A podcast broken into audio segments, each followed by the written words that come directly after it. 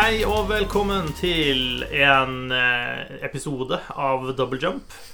Eh, nå i ny drakt, nytt format. Eh, keiserens nye klær. Eh, mitt navn er Marius Kjørmo. Eh, jeg har med meg Håvard Ruud Hei på deg. og Susanne Berget. Hei, hei. Og eh, Double Jump eh, har Jeg vet ikke om vi har nådd vår final form ennå, men vi har i hvert fall evolved. Eh, fra å være en ukentlig, litt sånn nyhetsvinkla eh, podkast til å være bi-weekly. Eh, til å nå egentlig være en slags skal vi kalle det. Altså, eh, vi kommer ut kanskje en gang i måneden eller hver fjerde uke eller rundt om der omkring. Eh, og istedenfor å være fokusert på nyhetene, så plukker vi forskjellige tema som vi syns er interessante. Eller har lyst til å prate om, eller som faller oss inn. Eh, innfallsmetodene er undervurdert. Eh, så det blir eh, temabaserte sendinger fremover. Eh, og til å kicke det off, så er det et lite jubileum som inntreffer ganske snart, Håvard. Ja. Det er den eh, 14. eller 16. Litt avhengig av om man regner eh, nordamerikansk eller europeisk release som eh, som vår offisielle tellemåte. Men eh, det er en liten spillserie som heter Assassin's Creed, som fyller 15 år. Eh, 14. La oss si 14., da, siden det var da det kom ut for aller første gang i Nord-Europa. Og to dager senere i Europa. Og fem dager senere i Australia, ser jeg her på assassinscreed.fandom.com. Så hvis du hører på fra Australia, så må du fint vente et par dager eh, pause nå og komme tilbake om noen dager eh, til det er jubileum. Ja. Mm. Ja. Assassin's Creed-serien, 15 år, det, det, det er lenge siden, skulle man tro. Ja, det er, det er jo lenge, men det er jo ikke så overraskende heller, eh, kanskje. Det har jo vært en eh, En bra Ganske mange bra spill. Det, og ja, mange bra spill, og mange spill eh, i det hele tatt. Eh, angivelig så har serien som sådan eh, solgt over 200 millioner enheter.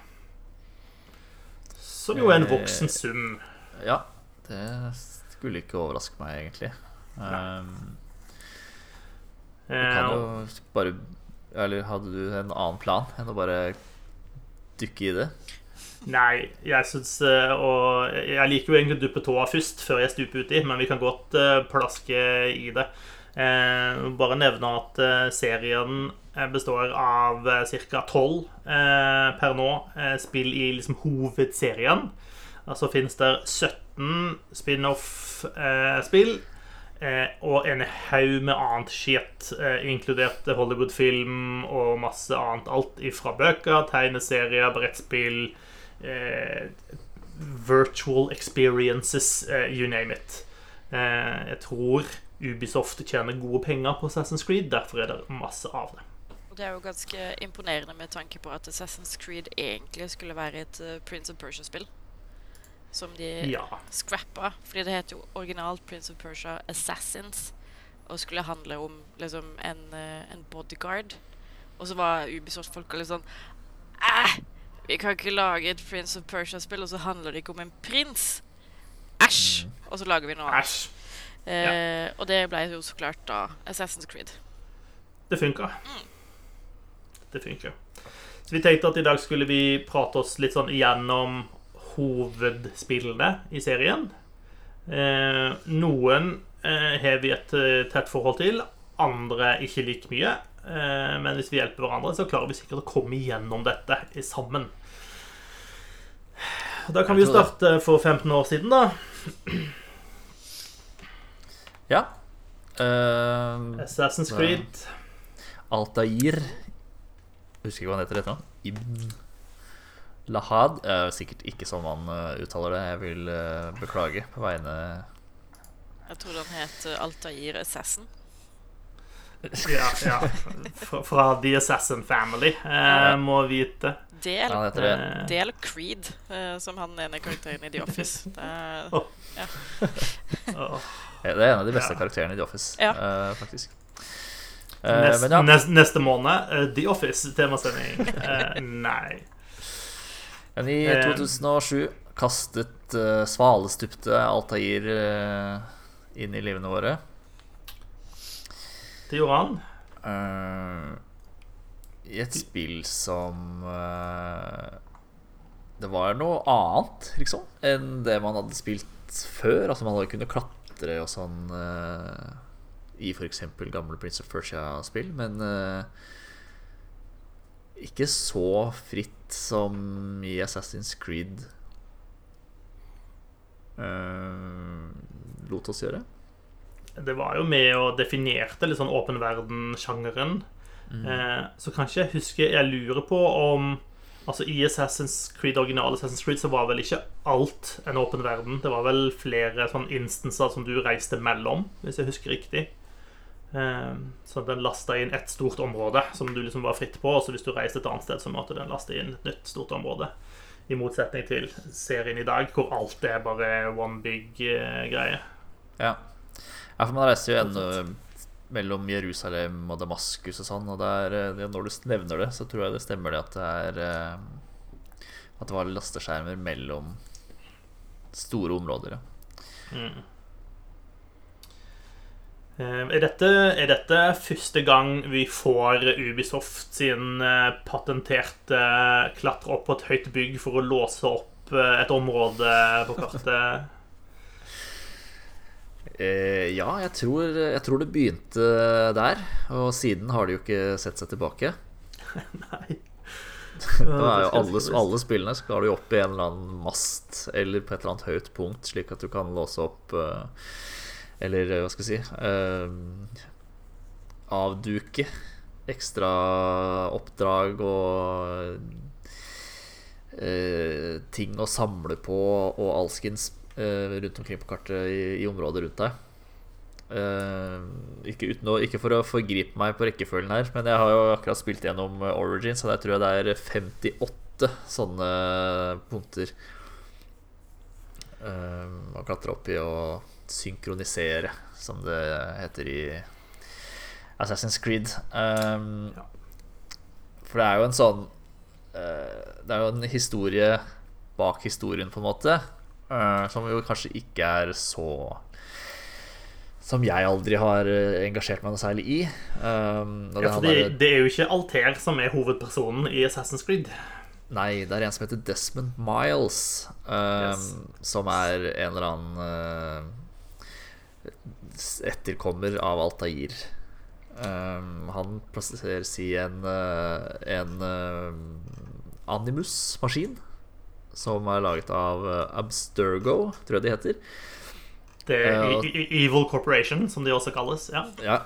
Uh, og den maskina liksom lar han låse opp noen minner som ligger i DNA-et hans, eller et eller annet sånt, um, til eh, forgjengerne hans, uh, blant andre Altair. Um, Yes. Uh, Det er vel Nolan North, er det ikke det, som spiller Desmond, tror jeg? Stemmer det. det Mm. En av eh, to uh, stemmeskuespillere som fins i uh, spillverden.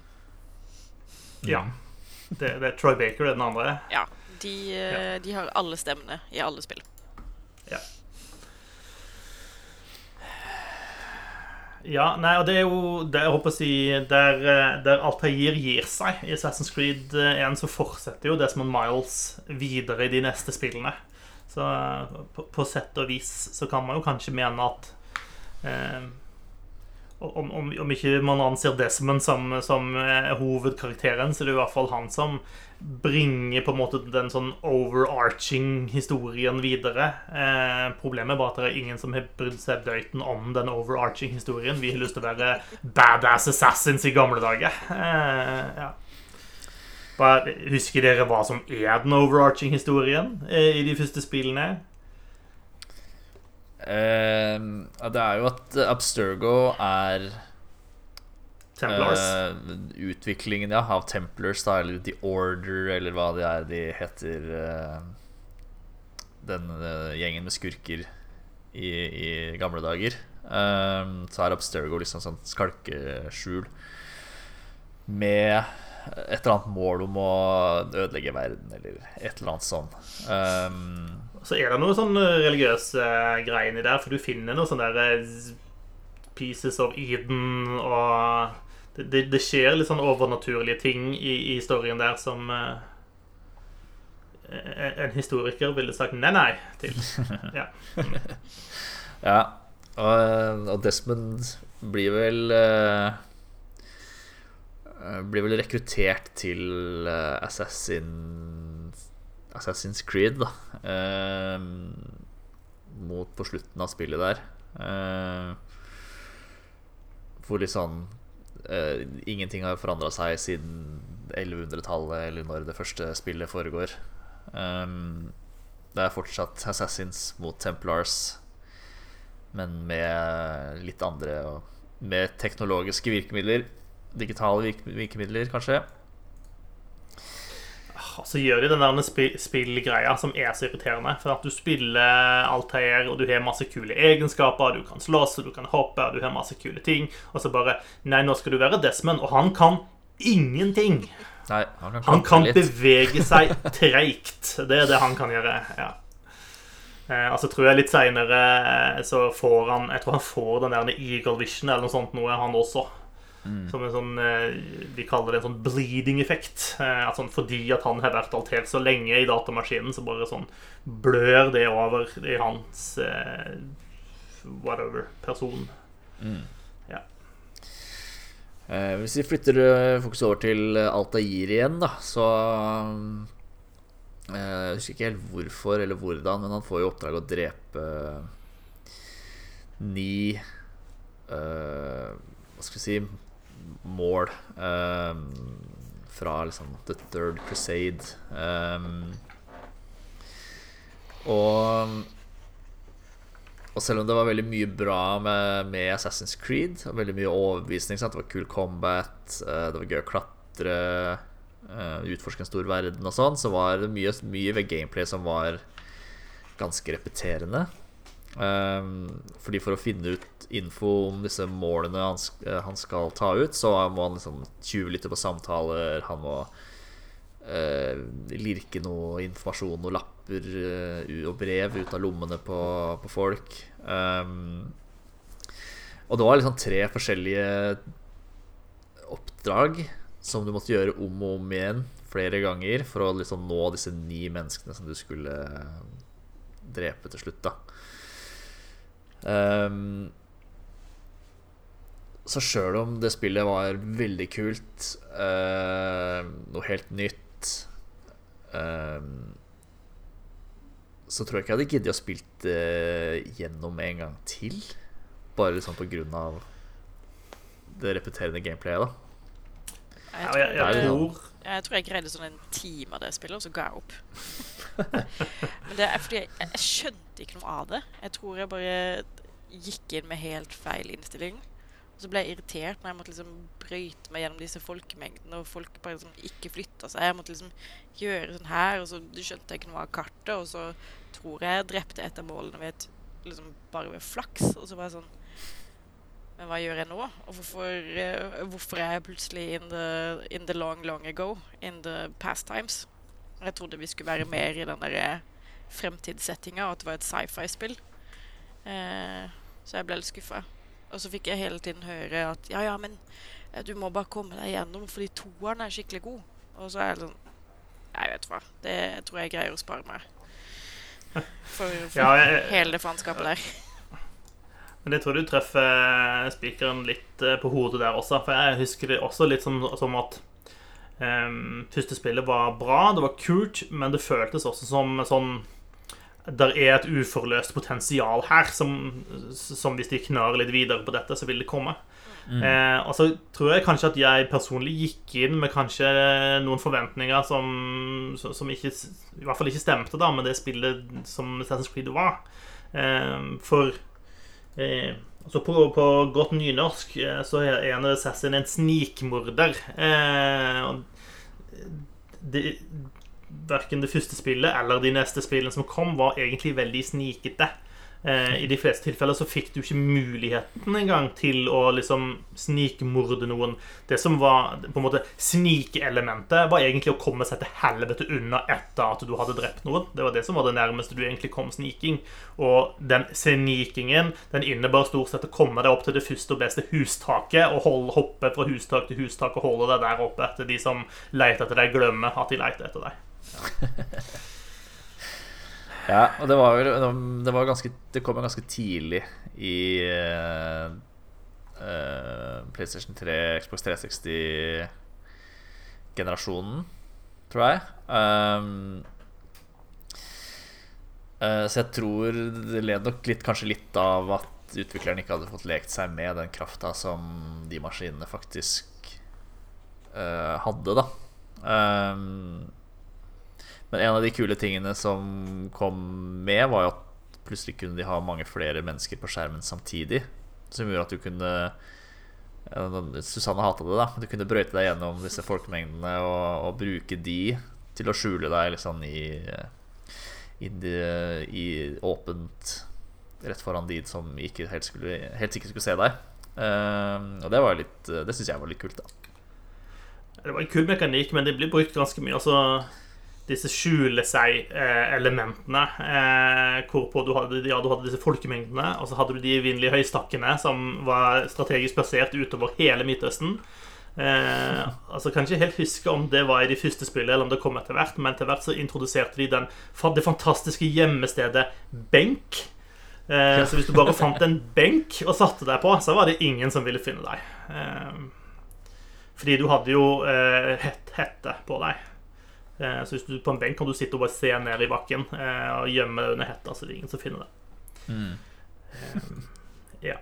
Det var noen, fi, noen fine sånne. men det jeg husker mest fra Assassin's Creed, var jo det evinnelige Vi har plassert ut 500 000 flagg i dette spillet. De skal du samle. Og de har vi plassert ut på random steder over hele denne verden. Og det er ingen in game på en måte hint om hvor disse er hen. Du må bare finne alt. De har jeg faktisk funnet alle de. Oh, Ved hjelp, hjelp av et uh, kart på internett, da. Men uh... Mener du det kartet som fulgte med official game guide til Assassin's Creed? Ikke det kartet. Jeg fant et interaktivt et, så jeg kunne, sitte, kunne huke av når jeg hadde funnet de forskjellige. Så jeg har faktisk uh, 1000 av 1000 gamerscore i Assassin's Creed. Oh. Jeg, jeg, jeg, tror ikke jeg fikk de. Jeg tror jeg sånn mangla to eller tre og bare Det er ingen måte for meg å finne ut av hvilke to eller tre jeg mangler, så dette går bare ikke. Så møkkaspill, aldri spill igjen. Ja. ja, det har 81 på Metacritic, tror jeg, så Ja, det er for lite. Hvis det, hvis det ramler under 90, så spiller jeg det ikke. Nei. nei, nei. I hvert fall ikke gi bonus til de som har lagd det. Nei. nei. Ja, men Det som er, eh. er, litt kult, som jeg ikke visste før vi skulle ha denne sendinga, er jo at uh, Assassin's Creed-spillene er basert på en bok. Uh, I likhet med The Witcher.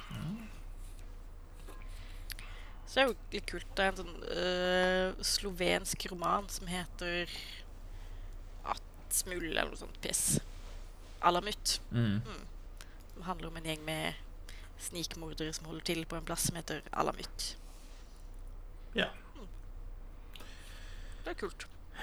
Mm. Så er det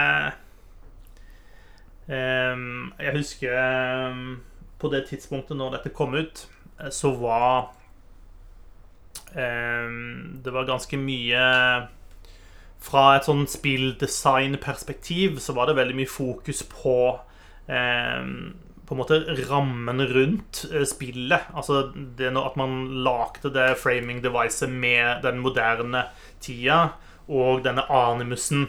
Eh, og at det på en måte forklarte de tingene som skjedde i spillet. Altså at hvis du du, du, døde faktisk ikke, men du ble desynchronized, og eh, alle, alle, tingene som skjedde i spillet, hvorfor du eh, fast forwarda fra et sted til et annet. Altså alle, alle tingene som skjedde i spillet, kunne på en måte forklares eh, på en måte som eh, andre spill ikke kunne. Så dermed hoppet det på en måte over en del sånn såkalt spillogikk.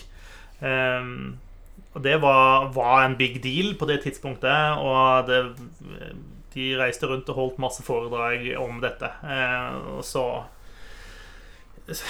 så viser det seg vel kanskje sånn etter hvert at det, sånn, det var en ting som spilldesignere syntes var kult, men som spillerne kanskje ikke egentlig brydde seg så fryktelig mye om.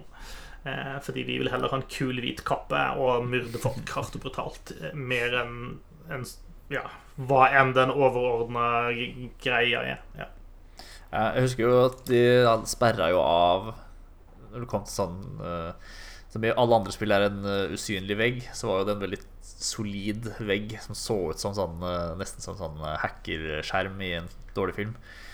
Um, for det er Så vet ikke om det var noen maskiner som liksom ikke klarte å rendre det, eller det var en eller annen begrensning da fra animusmaskina som gjorde at du, kunne ikke gå dit. Du måtte fortsette rett fram.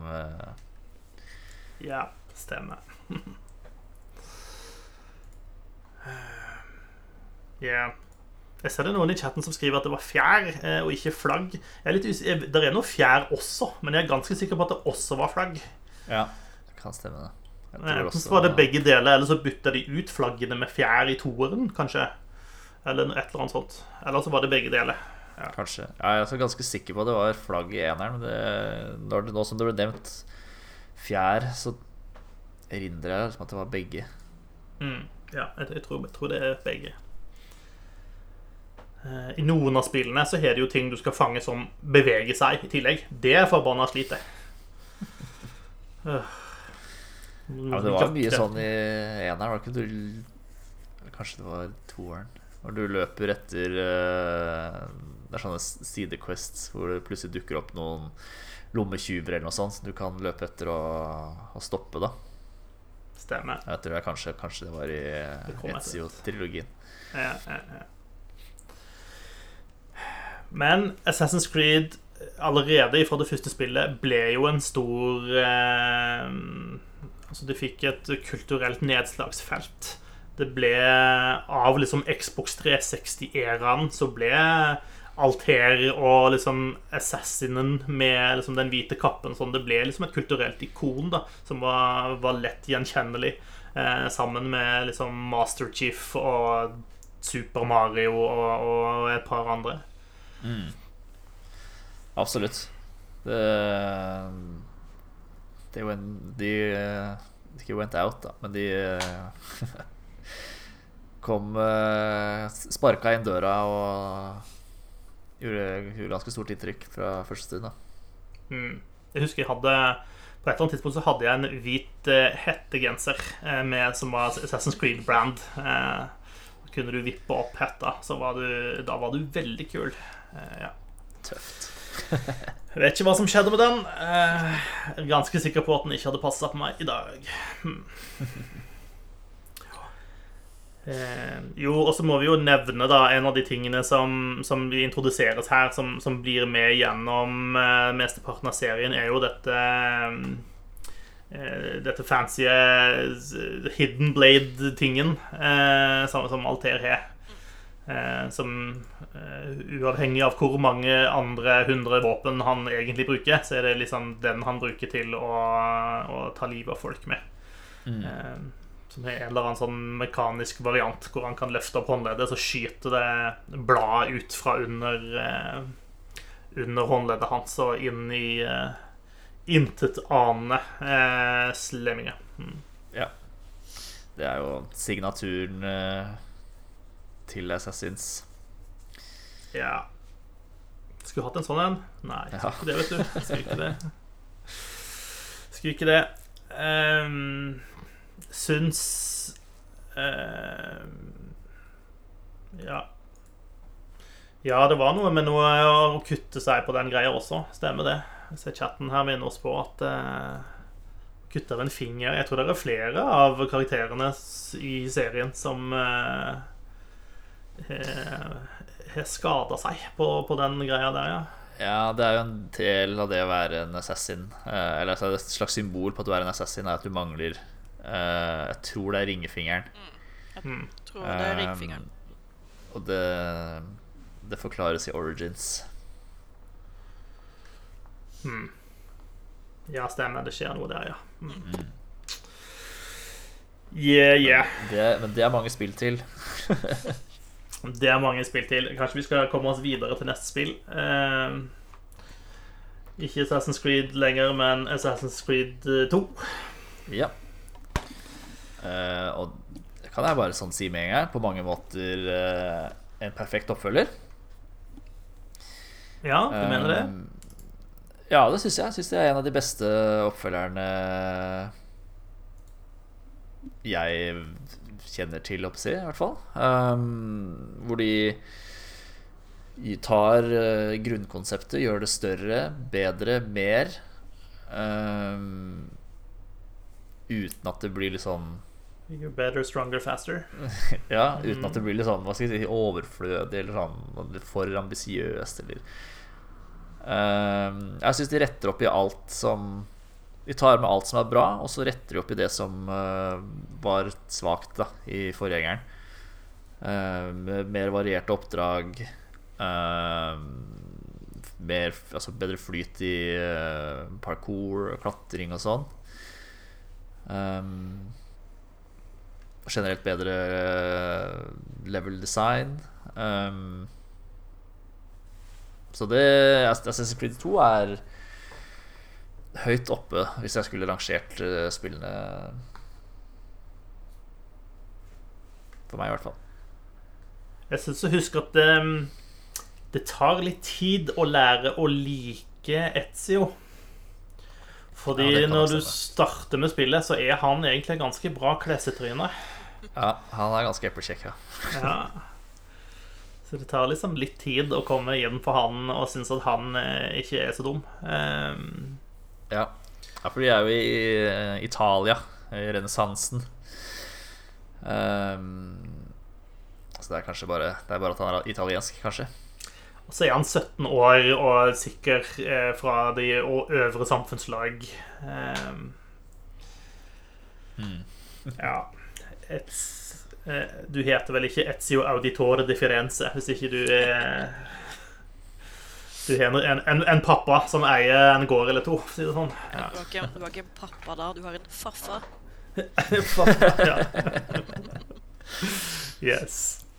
Men det er, det er i hvert fall dobbelt så bra, for jeg er ganske sikker på at de i toeren der hadde to kniver, én på hver eh, hånd. Åh, det er jo helt riktig. Det kan du også se, se på eh, statuetten som står, eh, står bak meg her. Eh, Så Mm. ser du han står ut med begge hendene. Så det, det var litt stilig når du skulle gå inn i et område som var, hvor det sto to vakter ved en dør eller en port. Så gikk du bare mot dem, og så trykka du kniven i trynet på dem, og så spaserte du inn som, som ingenting. Jeg syns jo Det- du det burde få en ny kniv for hvert nye spill. Ja. Sånn som i Valhalla så burde du ha tolv. Tolv kniver. Ja. Oh, det, det minner meg om eh, From Dusk Till Dawn. Hvor det er en eller annen fyr som plutselig popper opp. eh, han har gønnere, og så plutselig har han en gønner der penisen skal være også. Eh, eh, jeg, tror- jeg tror Assassin's Creed 3 hadde sett litt annerledes ut hvis de fulgte den eh, logikken der. Ja. Mm. Det er en uh, ganske legendarisk scene i Kops også, den uh, svenske politifilmen. Du mener han, dokumentaren? eh, Dokumentaren, ja. Hvor det på et eller annet tidspunkt eh, er en pistol i gulfen som avfyres ved, ved, med jokkebevegelser. Mm. Men du, du er inne på noe med at det ser kult ut. eh, for, eh, jeg- Der er, jeg, jeg tror nok de jobbet ganske mye med å få etablert en eh, litt sånn unik estetikk til spillet, som, som slo an, og som, som jeg tror ble ganske viktig. Eh, Og i hvert fall opplevd som veldig definerende for liksom, de første tre-fire spillene, da. Eh, I hvert fall. Eh, og så har de på en måte prøvd å spille en del på den estetikken også seinere, men kanskje ikke i, i, klart i like stor grad. Men eh, jeg føler Alter og Etzio-spillene har en veldig sånn gjennomført eh, stil eh, hele veien gjennom. Ja, absolutt. Uh, altså Detaljrikdommen i, i Assassin's Creed-spillene har jo alltid vært uh, nesten altså, ekstrem. Uh, mm. De har jo alltid passa på å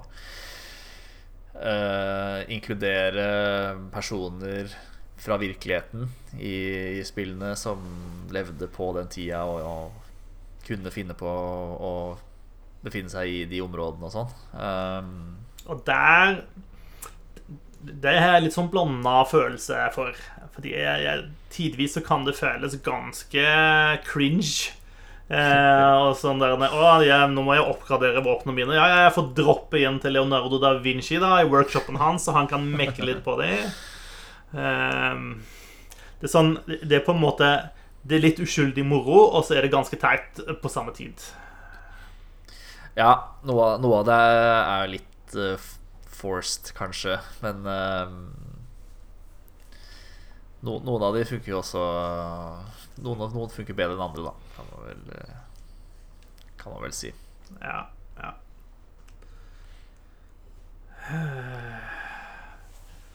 Minner på han Leonardo da Vinci. Han Lagde ikke han en eller annen sånn flygegreie også til Etzio? Jeg vet ikke om det var i toeren, eller om det kom i en av de senere spillene.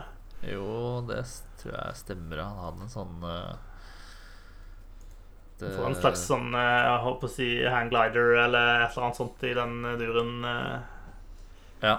Du kan drive og cruise rundt i Italia på uten at noen bryr seg nevneverdig om at hei, det er en fyr som driver og flyr over hodet på oss. Ja. Ja, det stemmer det. Jeg har funnet en video her nå. Du må liksom fly over det er tent store bål på hustakene og rundt omkring. Så du må liksom treffe de for å få oppdrift. Ja, stemmer. Ja, ja, ja. Mm. Og så få flydd fra, fra, A til Å og sikkert infiltrere en eller annen base. Er det en fugl? Er det et fly? Nei, det er den gærne kompisen til Leonardo da Vinci. Mm. Ja. Jeg tror mange av de ja, synes... tenkte bare, bare ignorer de. De er liksom ute etter oppmerksomhet. Så hvis du bare ikke ser på de, så slutter de sikkert etter hvert. Ja, så går det bort av seg sjøl. Ja. Eh, men jeg må si Assassin's Creed 2 og de som kommer etterpå, Brotherhood og Revelations, de blør veldig inn i hverandre, sånn i mitt eh, minne, da.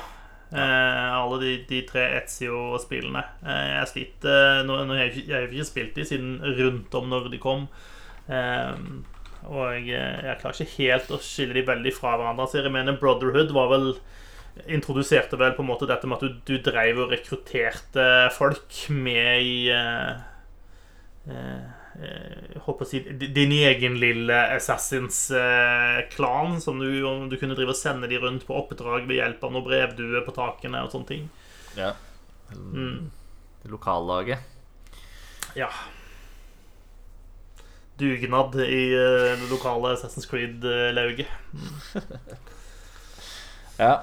Uh, ja, hvis vi går opp til Brotherhood, da, det tror jeg kanskje er, uh, er, min favoritt, hvis jeg sånn husker sånn som jeg husker det. Um, og det tror jeg kanskje det er mye akkurat med den der rekrutteringsbiten som jeg syns var uh, faktisk var ganske gøy å drive med. I hvert fall at the time. Ikke sikkert jeg hadde hatt tålmodighet til å drive med det og jeg skulle spilt om igjen i dag, men jeg syns det var uh, Det, det tilførte spillet noe, for du kunne uh, tilkalle disse folka, eller resten av gjengen, uh, til å ta ut fiender for deg hvis de var Sto noen i veien som du ikke kunne nå uten å bli oppdaga, sånn, hvis målet ditt var å snike deg inn et eller annet sted. Du kunne jo tilkalle dem på når du ville. Og du kunne bruke de til å snike deg rundt i sånn social stealth, sånn som, i, sånn som de har introdusert i eneren, mener jeg husker også. Mm. Ja, det ble mer eh, Det ble, enda mer et litt sånn definert sandkassespill, på en måte. Hvor du, mm. du fikk friere tøyler til å gjøre eh, mer crazy shit eh, sjøl. Eh, og du, du, du etterlyste flere, flere hidden blades. Eh, det, det, fikk du ikke, men du fikk, du fikk, Hidden Gun i stedet. Fordi at eh, du vet Leonardo da Vinci, han ordner biffen.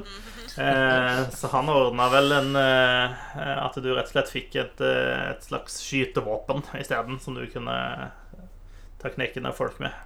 Ja, det var allerede i Brotherhood, det. Altså. Mm, det var det. Jesus, det har kommet så mange spill.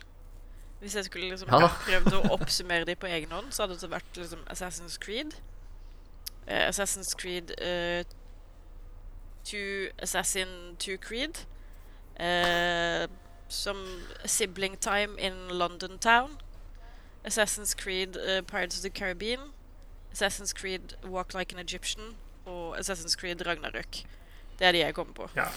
Yes. Og, nå, og etter hvert så kommer de med Tokyo Drift. Det gleder vi oss til. Yes. Det er jo neste Mm. spill, er det ikke det?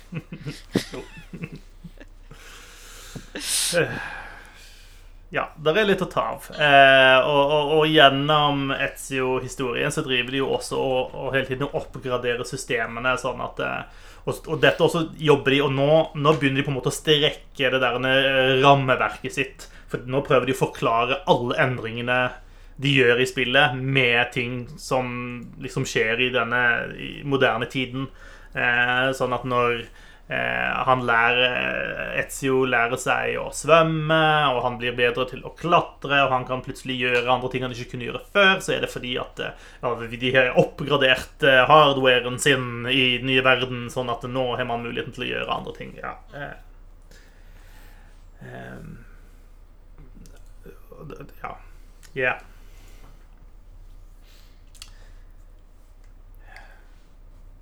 Det var ikke det forklaringen du, vet ikke du sa, sa du det i stad, Håvard? Altså, steder du ikke kunne gå, det var fordi at det var ikke eh, De minnene lå ikke i det DNA-et du hadde tilgang til? Eller noe sånt? Ja. Ja, det var noe sånn. Jeg tror ja. Jeg tror det var liksom hele Det er jo grunnen til at du måtte finne alle disse infobitene, var at du måtte låse opp eh, minnene da i DNA eller noe sånt i, i eneren. Og ehm, Og det var nok også det samme med Med hvorfor noen av områder var låst av en sånn stor datavegg. Ehm, var at de hadde ikke gravd eh, dypt nok i DNA-et, tror jeg.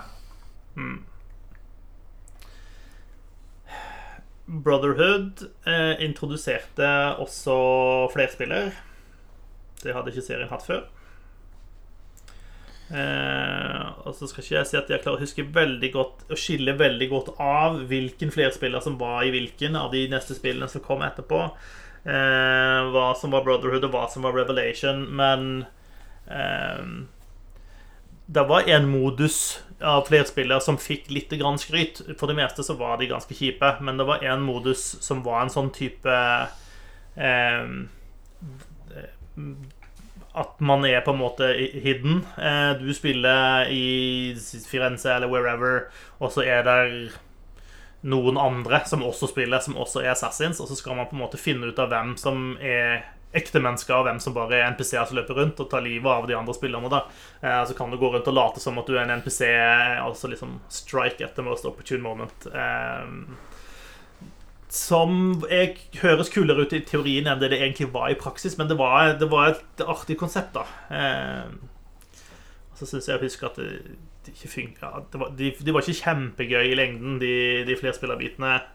Eh, men dette var vel på et tidspunkt hvor alle spill måtte ha flerspiller for some reason. Eh, ja, man tenkte at det hadde en eller annen form for merverdi eh, for at folk ville kjøpe spill, og folk ville bli værende i spillene. Eh, Bioshock 2 kom med en sånn håpløs eh, flerspillervariant, og som alle spill, ja, alle spill skulle ha det på et tidspunkt. Det var sånn, det funka i Gears of War, da må alle andre ha det også. Ja. Nei, måtte ikke det. Revelations, hva er det som skjer videre der? Eh? Da har vel historien eh, til Etzio flytta seg en del år fram i tid. Har blitt litt grå i skjegget og han er ikke 17 år lenger. Nei. Eh, de har vel også flytta til Eller handling i hvert fall foregår i Konstantinopel. Um, så Ja, så husker jeg liksom Historien i Assassin's Creed er uh, ikke alltid sånn kjempelett å holde styr på, men uh, han fikk, uh, fikk ny kniv, som var et sånn hook blade. Stemmer. Som jeg tror gjorde det lettere å Parkouren lettere. Var det da han fikk sånn Nei, det var ikke da han fikk sånn hookshot. Det var senere. Hva var det hookblade i Jo, men han brukte den som blant annet fordi at det er masse sånne ziplines rundt forbi som han kunne hekte seg på, og så skli av gårde på og sånt. Ja, jo, jo. Det var, så, det var det du brukte til, ja. Eh, det, er et, det er et senere spill. Jeg tror det er uh, Syndicate, eller hva det heter, det London-spillet, der han får en sånn uh, grappling gun Eller grappling hook, mener jeg. Ja, for her fikk han Eh. hookblade, og så fikk han masse sånn bombe som han kunne bruke. Ja. Det jeg. Litt eh, bomber og greier. Ja. Røyk eh, Bomber og granater. Røykskyer Røykskyer og Faens oldemor. Um, jeg husker det spillet her, så begynte man liksom å bli litt metta på, på den Assassin's Creed-oppskrifta. Som de hadde kjørt i tre ja, si, Dette var det fjerde spillet, da. Um, så jeg husker at det var ikke like engasjerende å spille det spillet her som uh, To og Brotherhood. Nei, altså i ehm, Ja, i, i dette spillet så har de en sånn Veldig mange av Assassin's Creed-spillene og Ubisoft-spill for, for øvrig har en sånn mekanikk hvor her er det et fort eller festning eller et eller annet som du må angripe og ta over. Eh, men i Revelations så var det snudd på hodet. Da var det motsatt. Eh, så der hadde du på en måte assassinene sine baser, og når Etzio eh, ble, gjorde, fikk for mye oppmerksomhet, så ble de angrepet, og så måtte du inn og forsvare disse basene. Og, der var det ja masse styr. Jeg jeg syns også husker at det der var en, en litt sånn slitsom greie. Tillegg så tror jeg de utvida det rekrutteringssystemet ganske mye. Eh, bygde videre på det, for jeg tror de, de fikk veldig mye skryt i Brotherhood, og så gikk de vel kanskje litt overboard med det i, i Revelations. Eh, eh, de utvida iallfall det systemet med sånne kontrakter du kunne få og sende ut eh, disse folkene. Jeg tror du, du rekrutterte en hel haug med folk eh, som kunne ha mange forskjellige levels. Ja. Mm. Det, ble, det, det ble en del management, hvis jeg husker riktig, i, i Revelations etter hvert. Ja, det kan nok stemme. Det sånn, tok liksom bort eh, en del av den moroa, sjøl om jeg likte Likte det i, i eh, Brotherhood. Så ble det litt overboard, som du sier, i Revelations. Som uh, At det, det, sånn, det tok litt for mye tid. Det ble litt for, litt for kronglete, litt for mye Ja, en investering av tid, da, som uh, tok bort altså, Det som er gøy med Assassin's Creed-spillene, er jo å, løpe på hustak og uh, angripe intetanende skurker. Ikke bruke tid på å være HR-sjef. Men det vi burde prate om, er jo at sånn eh, Desmond Miles-konklusjonen og på en måte hele den eh, Hva som skjer der. Men det er jo ingen av oss som bryr seg om eller husker. Eh, Dauer ikke han, da? Jeg tror han dør, ja. Men uh, jeg husker ikke hvordan eller hvorfor. Kanskje han ramler ut av den Animus-stolen.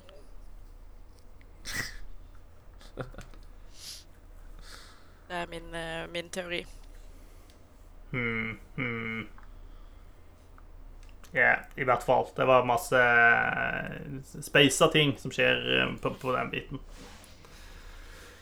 Uh, Ja, jo, og- så nevnes det i chatten her noe Tower Defense-greier. Stemmer. Jeg husker det nå. Det sugde skikkelig. Uh, yeah. da, det var en av de tingene som var skikkelig dårlig med den Brotherhood-funksjonen eh, som ble utvida.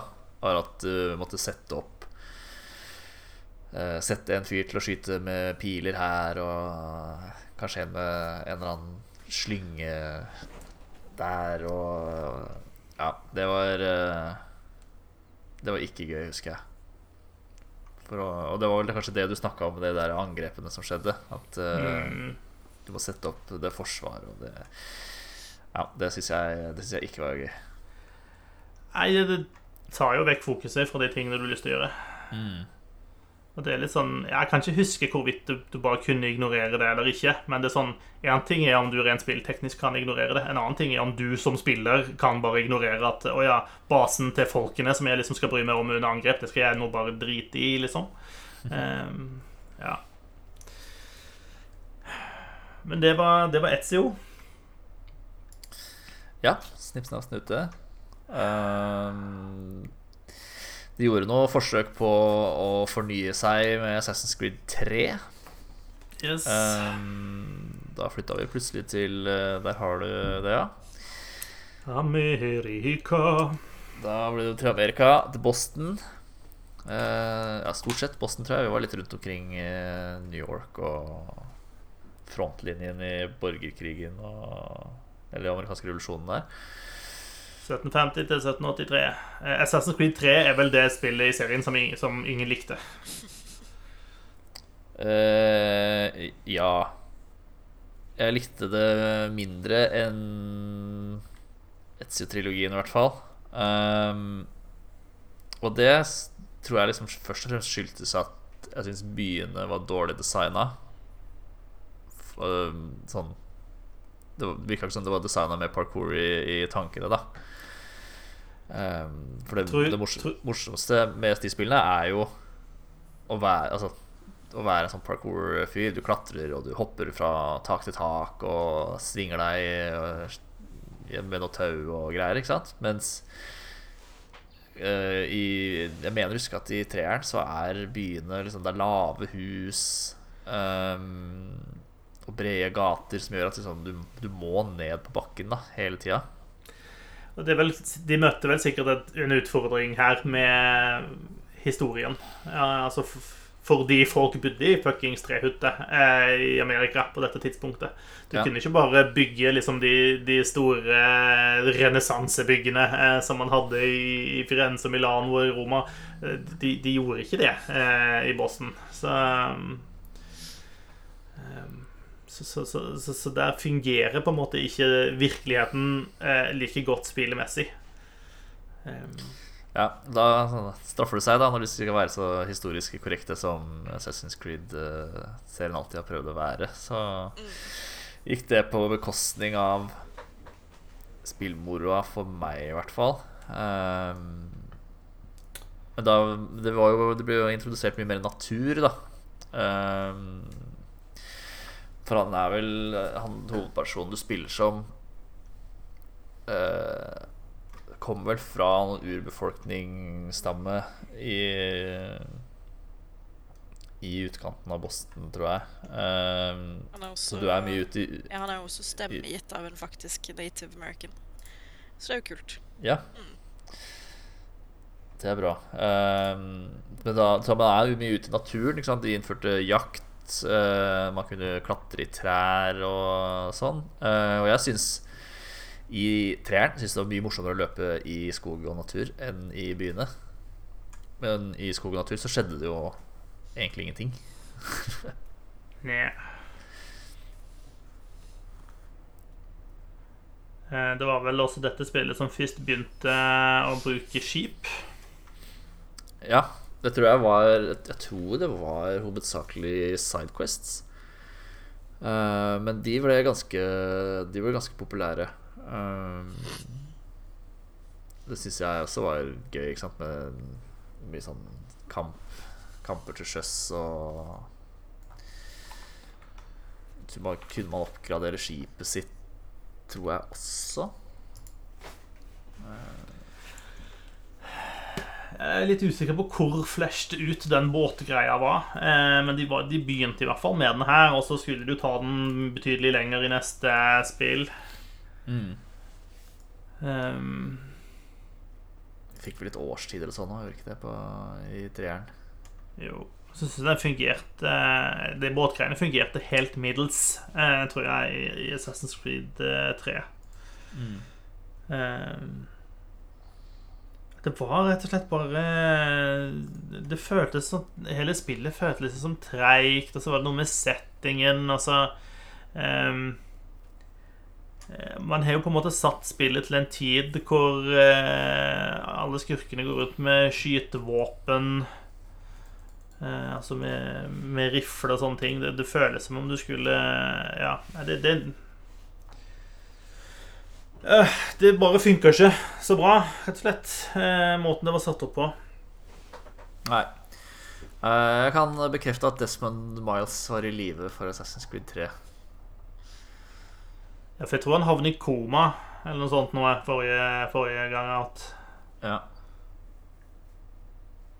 Men hvem er det, er det, er det Hatham Kenway du spiller i Assassin's Creed 3? Eller er det sånn at du egentlig spiller flere Nei, da spiller du Eller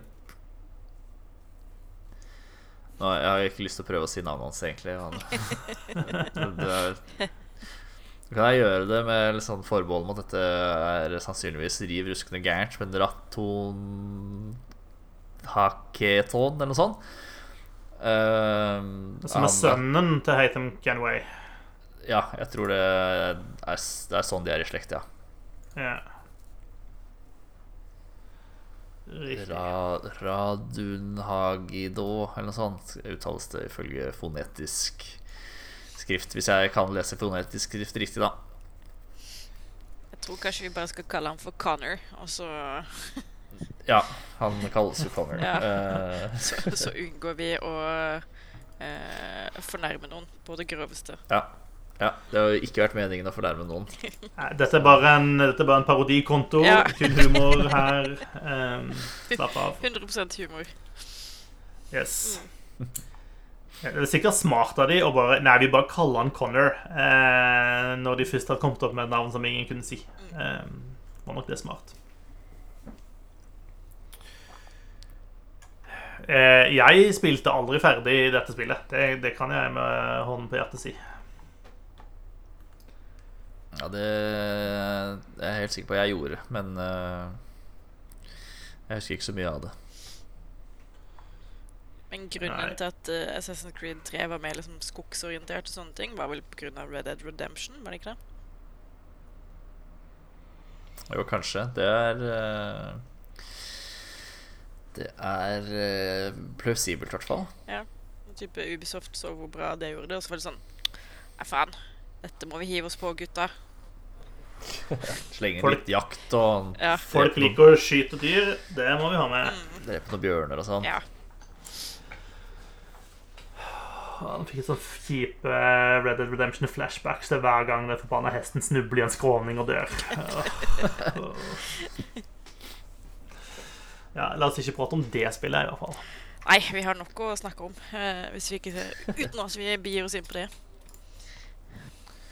Ja eh, Er vi ferdige med Assassin's Creed 3? Ja, ja jeg tror kanskje det.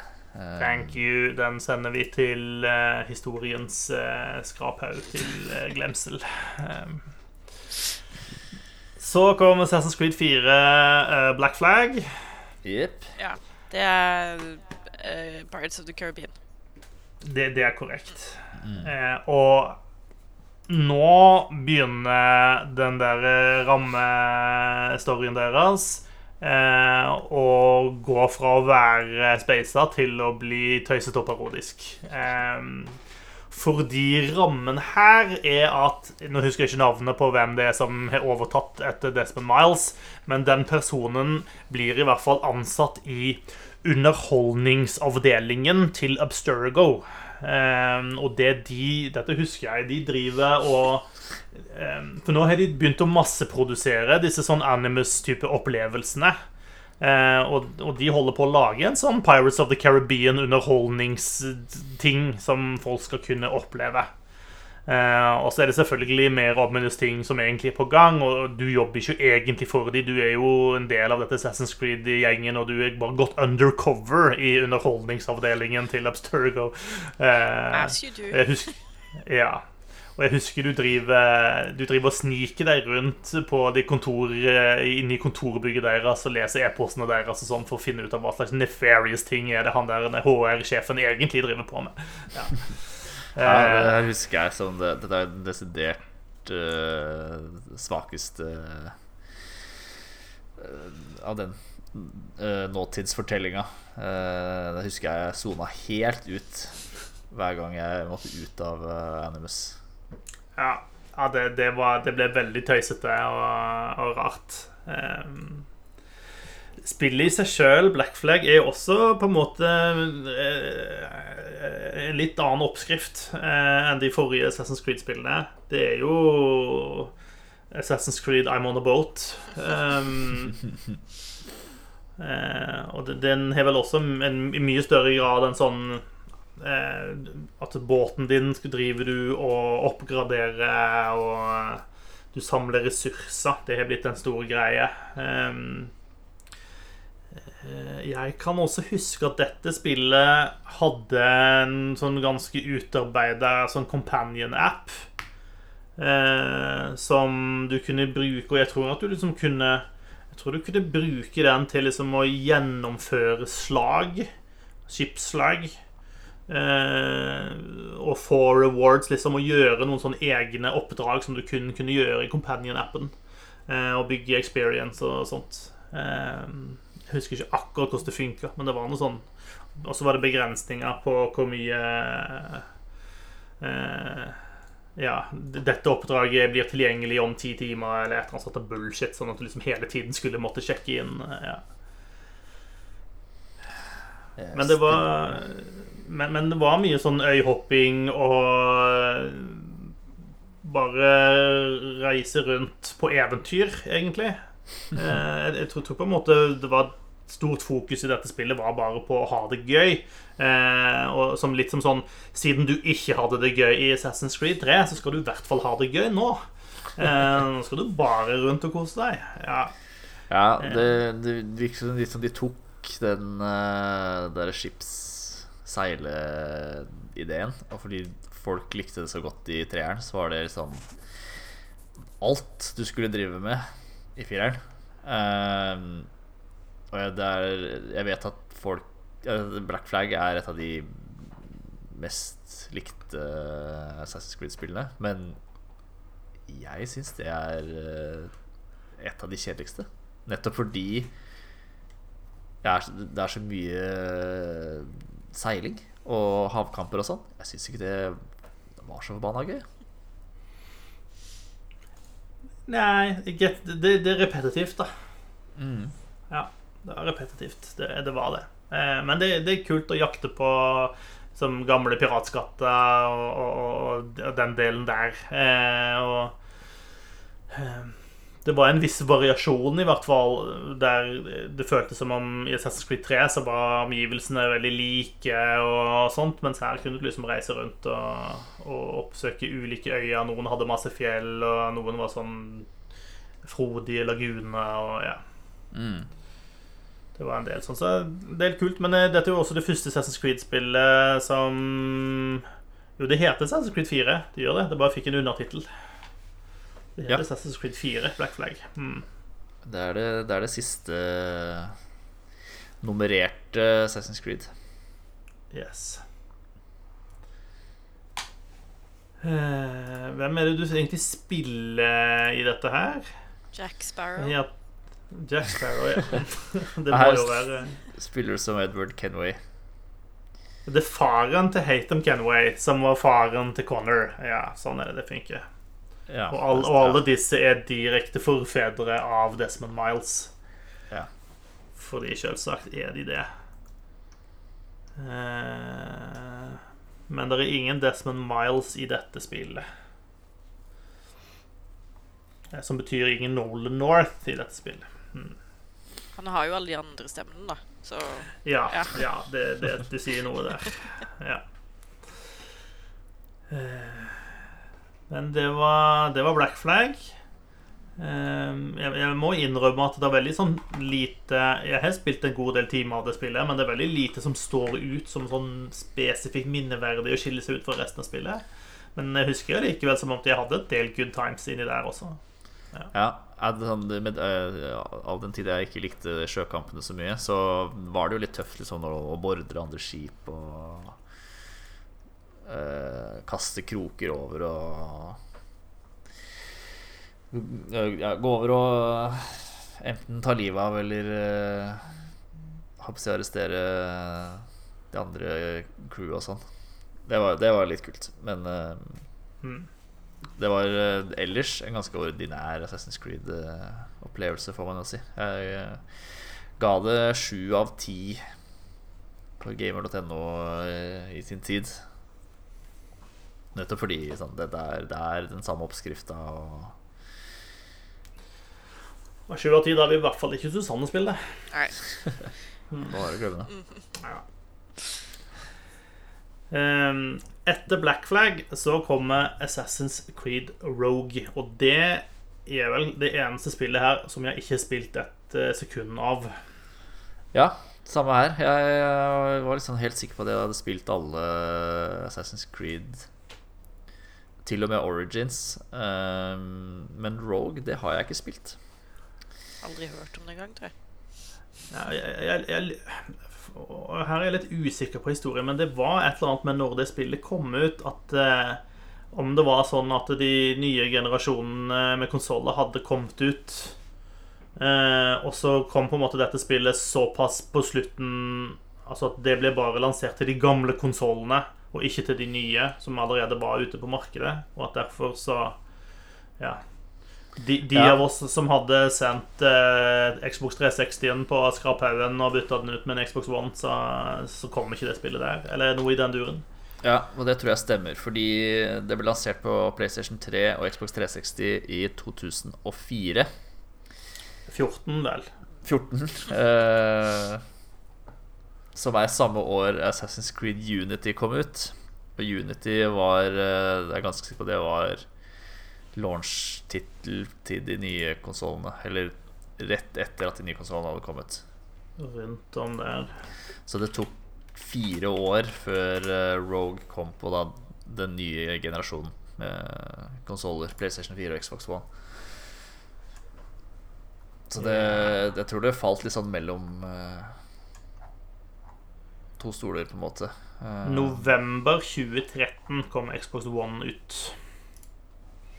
Ja, så dette kommer faktisk et år etter Xbox One, da. Jepp. Eh, Så, så ja, nokså nok på dagen et år seinere kom det spillet ut. Og da kom det bare til de, de gamle. Eh, sånn at Og så er det sikkert også noe der med eh, at dette var Ja, fordi Assassin's Creed Unity det var det Ubisoft Montreal som lagde, som har lagd de andre hovedspillene, mens Assassin's Creed Rogue lagd av Ubisoft Sofia. Eh, så jeg, jeg tror på en måte hele veien som ble det litt sett på som et eller annet sånn sidespill som de holdt på med, som ikke egentlig var en del av hovedserien. Og så har det egentlig på en måte i ettertid blitt innlemma som en del av hovedserien. Men jeg, tror- jeg tror jeg opplevde på det tidspunktet som at dette ikke var eh, Dette var ikke Assassin's Creed 5, på en måte. Ja. Ja. ja det gikk meg Det har gått meg hus forbi også. Um, så det er først nå, relativt nylig, at jeg innså at dette er faktisk et hovedspill. Jeg tror det fortsetter mye sjøting. Mm. Og, og at en del av de karakterene da med, som i de to foregående spillene som, som, som dukker opp, eller er, er kobla på her på et eller annet vis. Mm. Ja. Jeg har ikke så veldig mye mer å si om det. Jeg har aldri Nei, det er knapt noen ting å si om det. Nok et spill til skraphaugen der, altså. Ehm, så eh, apropos Nei, eh, så kommer vi til Assassin's Creed Unity. Ja. eh, det hørte vel kanskje til på skraphaugen da det kom. Uh, Maka til trøblete launch. Har vel nesten ikke sett eh, Bortsett fra hos eh, Blizzard. Um, det var eh, Ja, det var helt forferdelig med masse bugs, uh, glitcher. Det var vel noen modellene der som var bare øyne. eh, og ikke, ikke noe hode, liksom. Bare øyne som svevde over resten av kroppen. Og eh, gikk Det var helt eh, forferdelig. Jeg tror det kom en, en patch på 40 gigabyte som for å rette opp i alt. Så på det Eh. tidspunktet var voksent. Det var enormt på det tidspunktet, i 2014. Ehm, jeg spilte det etter at den patchen kom, eh, og jeg syns egentlig at Unity var ganske bra. Ehm, her er man jo i, i Paris. Yes. Og jeg tror, de, jeg tror de brukte ganske lang tid på sånn relativt lang utviklingstid på dette spillet, nettopp fordi det skulle komme på en ny uh, konsollgenerasjon og liksom vise hva hva Assassin's Creed kan være med enda mer kraft under panseret. Um, så jeg tror de Jeg hørte, hørte et sted at de brukte to år bare på Notre-Dame. Um, sannsynligvis ikke hele utviklerteamet, men uh, den gjengen som skulle lage Notre-Dame, brukte to år da på å, å gjenskape Notre-Dame ned til hver minste murstein. Um, og det er et oppdrag ganske tidlig i spillet hvor du skal snike deg inn i Notre-Dame for å ta livet av ja, sikkert en eller annen presteskikkelse. Eh, Um, Monsieur Notre-Dame, obviously. Ja. uh, og det oppdraget husker jeg som ganske kult. Uh, jeg har jo vært inne i Notre-Dame, og det er, det er litt gøy med de når man kjenner seg igjen, uh, på en måte. Um, så husker jeg det, det brant i Notre-Dame i 2019. Taket brant. Så tilbød Ubisoft seg å å bidra da, til eh, restaureringa liksom, med alle tegningene og den digitale gjenskapelsen av Notre-Dame. Um, jeg tror ikke det ble noe av, men jeg tror Ubisoft eh, donerte en ganske pen sum med penger um, til restaureringa av, av den kirka. Jeg tror de visste at de ikke kunne gjøre så veldig mye. Altså, det er litt sånn eh, Du snakket om at de hadde brukt så lang tid på å gjenskape men eh, det ble vel også påpekt at eh, de- den Notre-Damen som du finner i Assassin's Creed Unity, der er det gjort ganske mange endringer eh, kontra den faktisk virkelige eh, Notre-Dame eh, også. Nettopp fordi at det skal kunne funke som, som del av et spill. Eh, så så selv om det er mye som ser riktig ut der, så er det fortsatt ikke en liksom, tro gjenskapelse av det bygget. Sånn at jeg tror det var begrensa hva man kunne bruke av det eh, i, i, i restaureringsarbeidet. Ja. Ja, det var det jo helt sikkert. Um, men jeg er i hvert fall i, i Paris. Det er eh, revolusjon i Frankrike. Uh, ganske kul setting for et uh, Assassin's Creed-spill, syns jeg. Mm. Um, dette tror jeg var det første spillet med liksom et skill 3. Um, som hvor du kunne tilpasse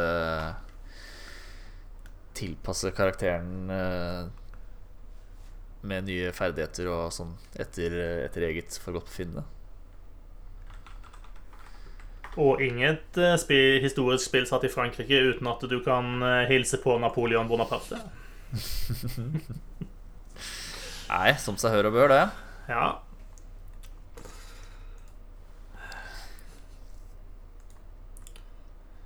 Ja, nei, For meg også så sitter det, det meste igjen med hvor utrolig trøblete eh, det spillet var. Eh, og eh, jeg tror hvor enorm nedtur det var for Ubisoft eh, når det spillet launcha. Eh, fordi det var virkelig helt, eh, helt krise. Eh, og jeg tror, jeg tror eh, sånn eh, I forhold til ryktet til spillet, det tror jeg aldri kom seg helt eh, etter, etter den, den trøblete launchen. Nei. Nei, det er et av de dårligste range Med dårligst går på, på Metacritic også. Eh, Med, med 70, da, så det er jo Det kommer litt an på hvem som spør. Ikke spør eh, Susanne. Ja, Eh, det, Men ikke så halvgærent, da. det er ikke verdt. CD-platen det er trykka på engang. Nei. Men det hjalp jo sikkert ikke spillet at det var på rundt dette tidspunktet at Ubisoft gikk ut og sa nei, vi kan ikke ha eh, kvinnelige hovedkarakterer i et Assassin's Creed-spill fordi det blir for vanskelig å animere. Ja, det var vel faktisk, det var faktisk meningen at du skulle kunne velge eh, kjønn på karakter i dette spillet, eh, og så ble det droppa. Eh, det var for mye arbeid. Av litt Du vet, Ja. Kvinnelige karakterer må ha på seg så mye klær, er så mye sminke involvert, og det å liksom finne, fikse en fransk hårfrisyre under revolusjonen Ja. Uff. altså boob physics, vet du. Ja, ja, Det er kompliserte saker. Ja, ja, det er ingen som vet hvilke veier de puppene går når du først begynner å løpe. Nei, er- nei, nei, nei, nei. Men altså, det spillet hadde jo også vært et, et kjempebra tidspunkt å introdusere en kvinnelig karakter. Fordi en av de mest notoriske eh, snikmorderne under den franske revolusjonen var jo Charlotte Corday. Som er en dame. Og det hadde vært kult å Mm. liksom introdusert henne i universet. Men oh nei. Heller ha liksom en én-til-én-skala fuckings Notre-Dame. Istedenfor å bruke litt mer ressurser på å putte en dame inn i spillet sitt. Ja, uff, uff. Eh, ja, og de fikk altså Jonathan Cooper, som var animation director på Assassin's Creed 3, gikk også ut i denne sammenhengen og kritiserte Ubisoft og sa at eh, dere sier at det ville vært eh, så masse jobb å gjøre dette. Det ville det ikke. Eh, Nei, og de hadde jo på det tidspunktet allerede gjort det med Avlin du Grand Prix. I et av disse ymse spillene som ikke har et tall. og det hadde jo ikke vært noe stress, liksom. Og er en kul karakter, men ja. De om det. de om det. Jepp. De kom med en eller annen statement om at eh, vi ser frem til i fremtiden hvor vi skal introdusere sterke kvinnelige karakterer i eh, neste Assassin's Creed. jeg liker Som det gikk jo bare et år tar oss eh, til London. før Syndicate eh, kom. Eh, så det var liksom det første Assassin's Creed-spillet med to eh, protagonister. Eh, Et tvillingpar, Jacob og Eve. Hvor du Da kunne man vel velge hvem du ville spille som når som helst, men det var noen av oppdragene var litt låst til én karakter. da Eh, og de hadde litt forskjellige styrker og svakheter. Jeg tror Eve var bedre på å snike, mens da Jacob var bedre på På close combat, tror jeg. Um, og det var her man fikk den uh, zipline-gadgeten, så du kunne stå på et tårn, skyte en uh, et tau over på et annet, og så suse, suse over gata. Ehm, ja. Jeg begynte med Syndicate. Begynte jeg å kjenne at jeg begynte å gå skikkelig lei av Assassin's Creed. Ordentlig fatigue. Um, det ligna veldig på tidligere spill. Jeg syns jeg hadde litt de samme problemene som Assassin's Creed 3. Hvor uh, mye brede gater gjorde liksom at du tvang deg ned på bakken når du Man vil jo bare løpe luftlinje på, på hustak. Um, og så hadde det en, uh, Alle spillene har vel en, en form for base. Og dette, dette spillets base var et tog som drev og kjørte i ring rundt London.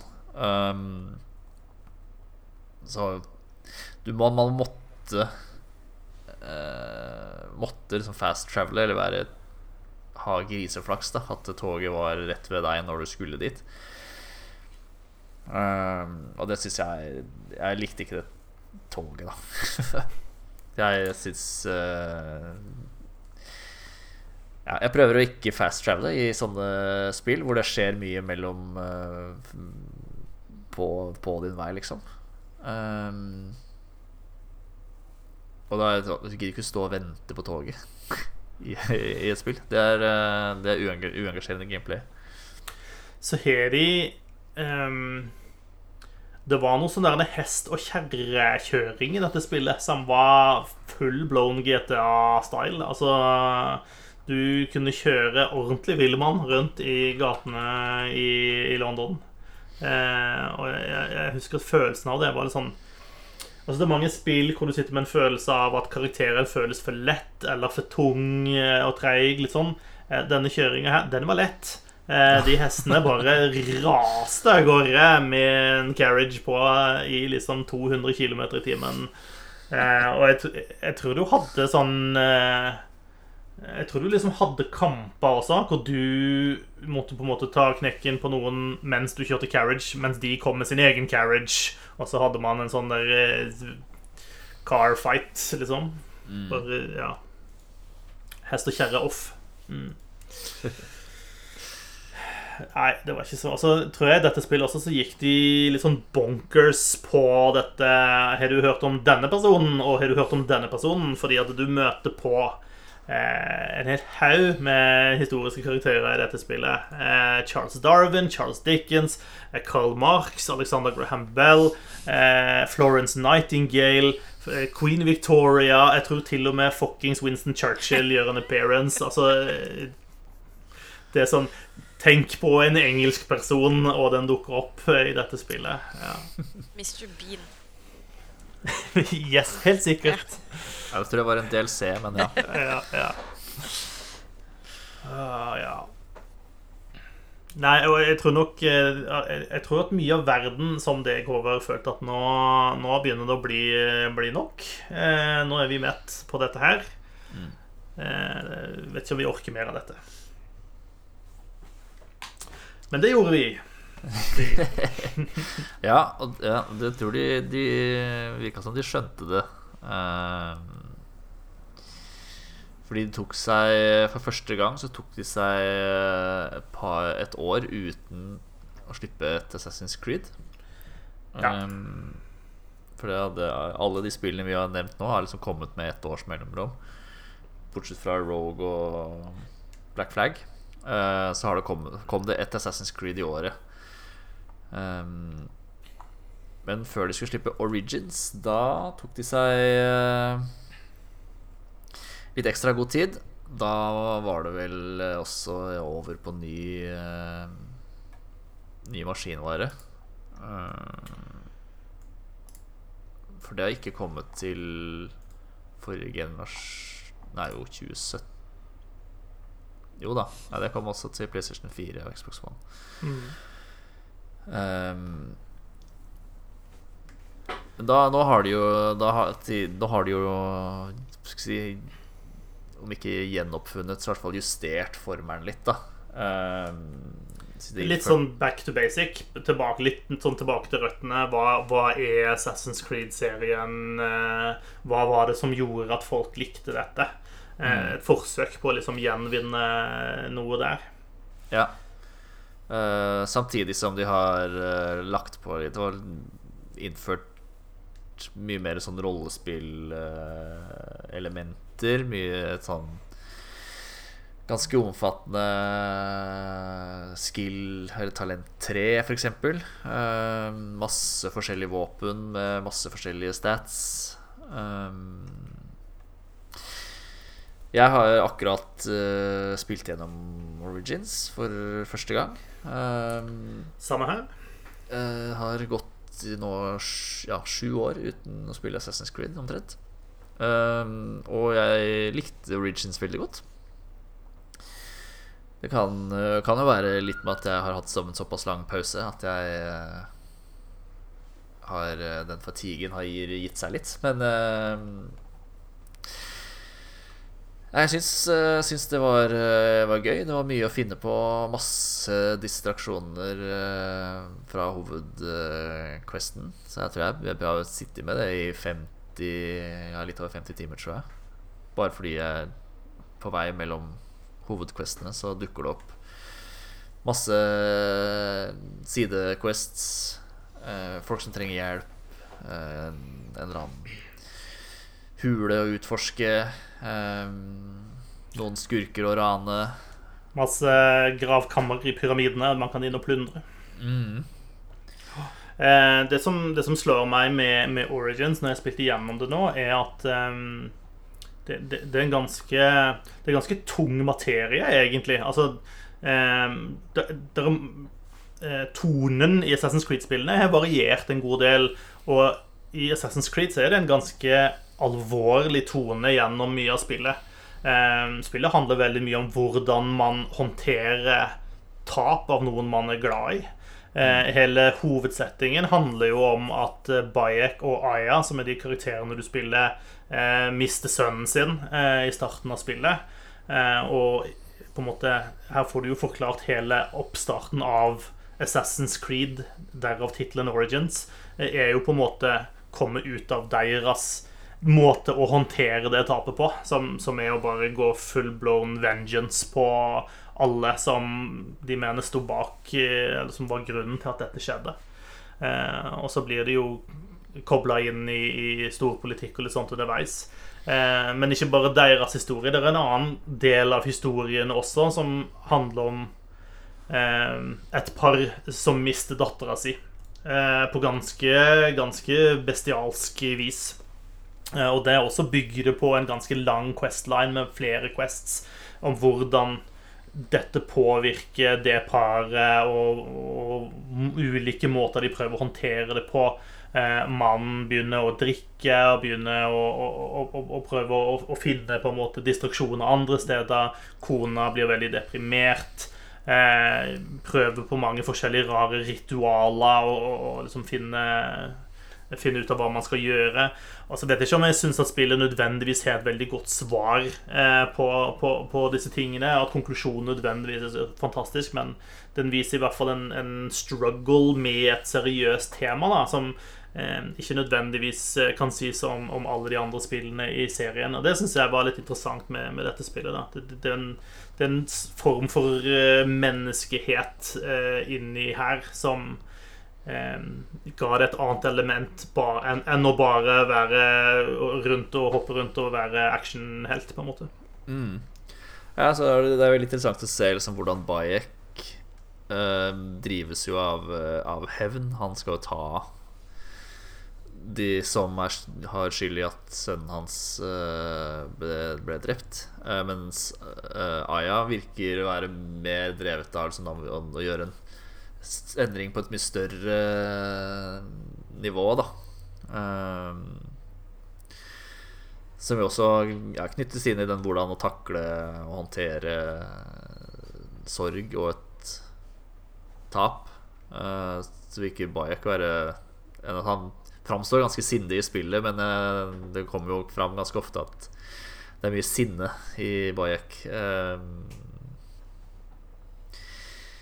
Han liksom vil ikke stoppe før han har, uh, har fått hevn, den hevnen han mener han har rett på, da. Mens eh, liksom Aya kanskje ja, klarer å bruke den sorgen til, uh, til noe annet. litt mindre destruktivt Det er kanskje ikke helt riktig å si med De ender opp med Eller hun ender opp med å starte Assassin's Creed. Um, du er på en måte med på stiftelsesmøtet, egentlig, eh, av, av klubben. Ja. Eh, og så får du en sånn rar eh, Jeg tror du får se, du får se hvordan det, Assassin's Creed-symbolet eh, oppstår også. Eh, mm. Eh, så får vi, som vi var innom tidligere, vite hvorfor Assassins kutter av seg fingeren. Og det er jo rett og slett fordi Bayek er uheldig med den kniven som han har under håndleddet sitt. Han kløner det til og får kappa seg eh, halve fingeren. Jeg syns egentlig det er, litt, det, det er kanskje litt rart, men jeg opplevde at den delen av spillet gir ikke Altså, du får ikke nok oppmerksomhet eller nok plass i spillet. Det føles som en sånn der Oh, by the way eh, Nå starta de hele Assassin's Creed, og by the way, sånn skjedde dette. Eh, mens, mens, spillet egentlig er mer fokusert på en eller annen overarching ark om eh, Kleopatra og Julius Cæsar som driver med nefarious ting eh, som du skal prøve å stoppe. Eh, så det er litt sånn eh, Akkurat der syns jeg det er kult at de tingene er med. Det er liksom litt av poenget med Assassin's Creed Origins. Eh, men de kunne gitt litt mer plass til akkurat den biten, synes jeg. For det opplevdes som en, noe som bare skjedde litt sånn i forbifarten. Mm. Men eh, jeg, lik, jeg, likte spillet veldig godt, eh, og jeg tror jeg jeg har blitt flinkere til å ikke måtte samle 100% av absolutt alt hele tiden. Og det, det gjør at jeg kommer meg gjennom spillet, eh, istedenfor å bare gå lei av at ting blir repetitivt. Fordi hvis du skal gjøre absolutt alt spillet her byr på, så blir det jo repetitivt etter hvert. Hvis du skal på en måte samle hver bidige ting du kan samle i, i spillet. Um, jeg syns også de altså, de har klart å lage et, eh, et, Egypt som er godt variert. Eh, det er ulike tydelig definerte områder. Eh, jeg syns kanskje det svakeste området egentlig er liksom Alexandria, når du er liksom i storbyen der og sånt. Der syns jeg egentlig var der jeg ble litt lei av de oppdragene du drev og gjør, og løpe frem og tilbake i, i storbyen der. Det blir egentlig kjekkere å reise rundt til alle de andre områdene. og og oppdage ting der, syns jeg. Ja, jeg er ganske enig i det. Um, er, uh, kartet er jo enormt um, og variert, som du sier. Det er litt sånn Det er mye ørken, selvfølgelig. Det er litt uh, Det er en sump. Det er uh, fjell. Um, og med, med sånn forskjellige dyr i de forskjellige sonene og og sånn. Så etter at man ble ferdig med den Alexandria-biten, så syns jeg eh, spillet virkelig åpna seg opp og, og ble mye Ble veldig morsomt. Jeg hadde hatt det veldig gøy med det, med det sjøl om jeg har uh, sittet og gjort disse litt repetitive tingene. Mm. Tatt uh, Clara alle sånne fort som fiendene har satt opp og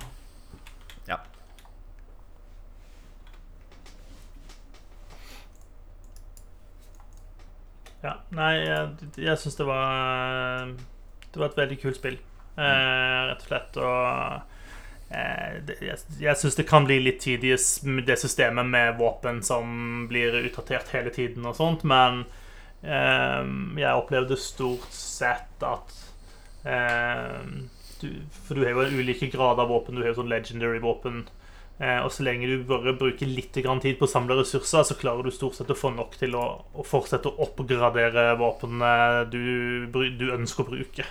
Eh, til, til, at de, de, oppgraderes til det nivået du er på, sånn at de ikke blir for dårlige hele veien. Mm. Mm. Eh, så det funker egentlig greit. Mm. Og så syns jeg de har gjort en kul måte liksom, å erstatte Eagle Vision ved at du har Senu, en uh, tam ørn som er eh, Bayeks, eh, Bayeks venn og kompanjong, som du kan ta over. da Så du får liksom fugleperspektiv på si en, en, base, da hvis du vil inn og, og, og drepe sjefen, sjefen der og ta pengene hans. Um, så kan du liksom tagge fiendene inn i, inn i basene ved hjelp av, av Senu. Det syns jeg, synes jeg var en morsom morsom eh, måte å, å, løse det på. Litt mer interaktiv enn det Eagle Vision har vært tidligere, da. Enig. Og det, gir mer en sånn Jeg syns det gir en bedre følelse av at uh, nå skal jeg uh, planlegge liksom et, uh, et raid.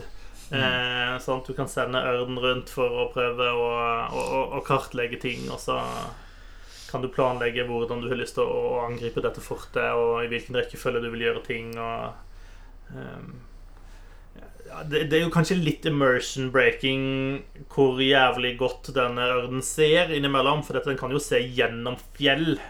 Eh, den, den, kan, den, kan, pinpointe hvor fiendene er inni den hula eh, den åpenbart ikke kan se inn i. Eh, men, eh, men overall så syns jeg det, det funker bra. Jeg husker at i begynnelsen, første gangen jeg spilte spillet, så syntes jeg det var knotete. Men eh, når du bare gir det en sjanse, så kommer du egentlig ganske raskt inn i hvordan du bruker den. Mm. Ja, noe, noe, mer du vil legge til om Bayek? Eh... Jo, én ting Eh, det, det, dette irriterer meg at det tok så jævlig lang tid å finne ut av. For i starten Det starta litt sånn in action. Eh, for du får ikke bakgrunnshistorien med en gang. Du, får, du starter med at Bayek er i kamp med en av disse folkene han vil ta hevn på. Eh, og da ser Bayek ganske rad ut. Han har liksom et ordentlig skjegg, han har langt hår, han ser ganske kul ut. Og så skjer det ting ganske tidlig i historien som gjør at han blir liksom clean shaven all over og ser langt ifra så kul og barsk ut som han liksom gjorde i starten. Um, og så er det et system hvor du kan sjøl gå inn og velge å sette på eh, Gi han tilbake det gamle skjegget sitt, og sånn, så han ser kul ut og ikke så dust ut. Det fant ikke jeg ut av før spillet var nesten helt over, og det irriterer meg. Ja. Eh, så det, det, var litt annoying. Uh, ja. Så jeg har spilt nesten hele spillet med han som en sånn Ja, han ser, ser langt ifra så tøff ut som han kunne vært. Mm. jeg, jeg, fant en sånn duell eh, hvor premien var en, en, hjelm med sånn, et slags kattedyrhode. Et sånt stort kattedyr, da, en løve eller noe sånt. Eh, så den har jeg brukt nesten hele spillet. Ja. Jeg, jeg har sett ganske badass ut. Ja, ja, men det er bra. Og fra eh, Origins eh, så skal vi eh, over eh, Middelhavet til Odyssey. Faen, det er ett til, ja. ja. Ja da, mine venner. Ja da. Vi, eh, vi, blir ikke ferdig i kveld. Jo da, det skal vi bli. Um. Odyssey har jeg faktisk ikke spilt, uh, men det er på GamePass nå, så jeg avinstallerte Origins Eh, og lasta ned Odyssey, så det skal jeg i gang med ganske fort. Eh, ja. Nå er det jo snart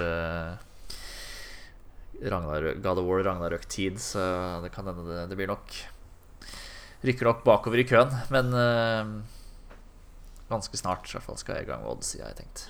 Ja. Jeg har spilt, uh, spilt ganske langt på Odyssey uten å fullføre det. Og så har jeg nå begynt på nytt igjen etter at jeg runda Origins. Um, For det er for lenge siden jeg spilte det, til å liksom kaste meg inn i den, den gamle save-gamen. Um, jeg liker Odyssey ganske godt, men du merker veldig tydelig dette skiftet i tone fra Origins, som var ganske seriøst. Så er Odyssey mye mer på den litt sånn tøysete Litt sånn Simbad Sjøfareren-stilen, på en måte. Um, du kan jo velge altså det, det, Bakgrunnshistorien til karakteren du spiller, den er litt sånn dramatisk eh, og, og, og, og, sånt. Eh, men du kan da velge om du vil spille som Cassandra eller Alexios, som er søsken, eh, og som da blir adskilt i ganske ung alder på dramatisk vis. Eh, og du bør selvfølgelig spille Cassandra, for Cassandra er fucking badass eh, i det spillet. Ja, hvis, ja, hvis du ikke velger henne, så er du jo psykopat. Så enkelt er det. ja. Hun er skikkelig, skikkelig kul. Um, men der Bayek er liksom veldig laser-focused på han, hva han vil oppnå, uh, så er Cassandra det motsatte. Hun er mer sånn reise rundt på eventyr. eh, ligge med nye folk i hver havn. eh, finne, finne, gamle skatter. Og de introduserer også her en del sånn overnaturlige ting i tillegg som gir det det der litt sånn Simba-sjøføreren-filen. For det er sånn, du, du kan slåss mot eh, mytiske skapninger og sånt eh, som, som eh, man ikke har hatt med i, tidligere i, eh, i, disse spillene. da Så det, det, bryter på en måte med noe av det historiske, men Samtidig så er det litt passende fordi at det er plassert inn i liksom, antikkens Hellas, som er litt sånn myteomspunnen og sånt. Um, Eh, så, så jeg syns det, det, fungerer bra. Og det er også ganske gøy noen eh, situasjoner hvor de på en måte spiller på dette også. Eh, for du, står, du har jo ditt eget skip, du kan drive og oppgradere, du, kan, du, du ror rundt eh, hele Middelhavet omtrent. Eh, og på et tidspunkt så kan du reise til Kreta. Eh, er det Kreta? Det, er det der Minotauros er? Er det på Kreta? Ja Ja, jeg tror det er Kreta. I hvert fall en av de der øyene. Eh, og den øya er allerede på dette tidspunktet en sånn skikkelig turistfelle. Eh, som er veldig gøy, hvor folk driver og vil selge deg liksom, eh, sånne billige minotaur-suvenirer. Og bli med på denne autentisk, helt autentiske minotaur-guidede turen og, og, sånne ting. Eh, og du havner ganske raskt inn i slåsskamp med en person med et oksehode på hodet sitt som helt åpenbart ikke er en faktisk minotaurus. Eh, og kanskje møter du en ordentlig minotaur eh, seinere i spillet. Så de spiller en del på det. Um, de har tatt den der rollespillbiten har de tatt en del videre i dette spillet. Det, er mer markant her enn det det var i Origins. Det er litt Det er noen Jeg skal ikke si det er mye, men det er noen sånn type dialog tre hvor du kan velge å si ulike ting. Og så har de noen sånne ikoner på siden av noen av tingene du sier. Som sånn, og hvis du velger denne tingen, så gjør det at din personlighet er mer eh, eh, håper jeg, voldelig eller aggressiv, eller noe sånt noe. Mens velger du denne, så betyr det at du blir mer eh, diplomatisk, eller noe sånt noe. Eh, hvor mye det, effekt dette spiller inn, er jeg ikke sikker på. Men, men de driver i hvert fall og lefler med noen sånne systemer. da. Og så har de gått enda mer inn på eh, Altså at, at, du blir overlessa med utstyr eh, på, på, mange forskjellige leveler. Eh, og det er dyrere å drive og oppgradere de, så du ender egentlig opp med å bytte ut utstyret ditt hele forbanna tida. Også fordi at de stakkars ressursene som du klarer å skape til deg, de vil du helst bruke på å oppgradere skipet ditt.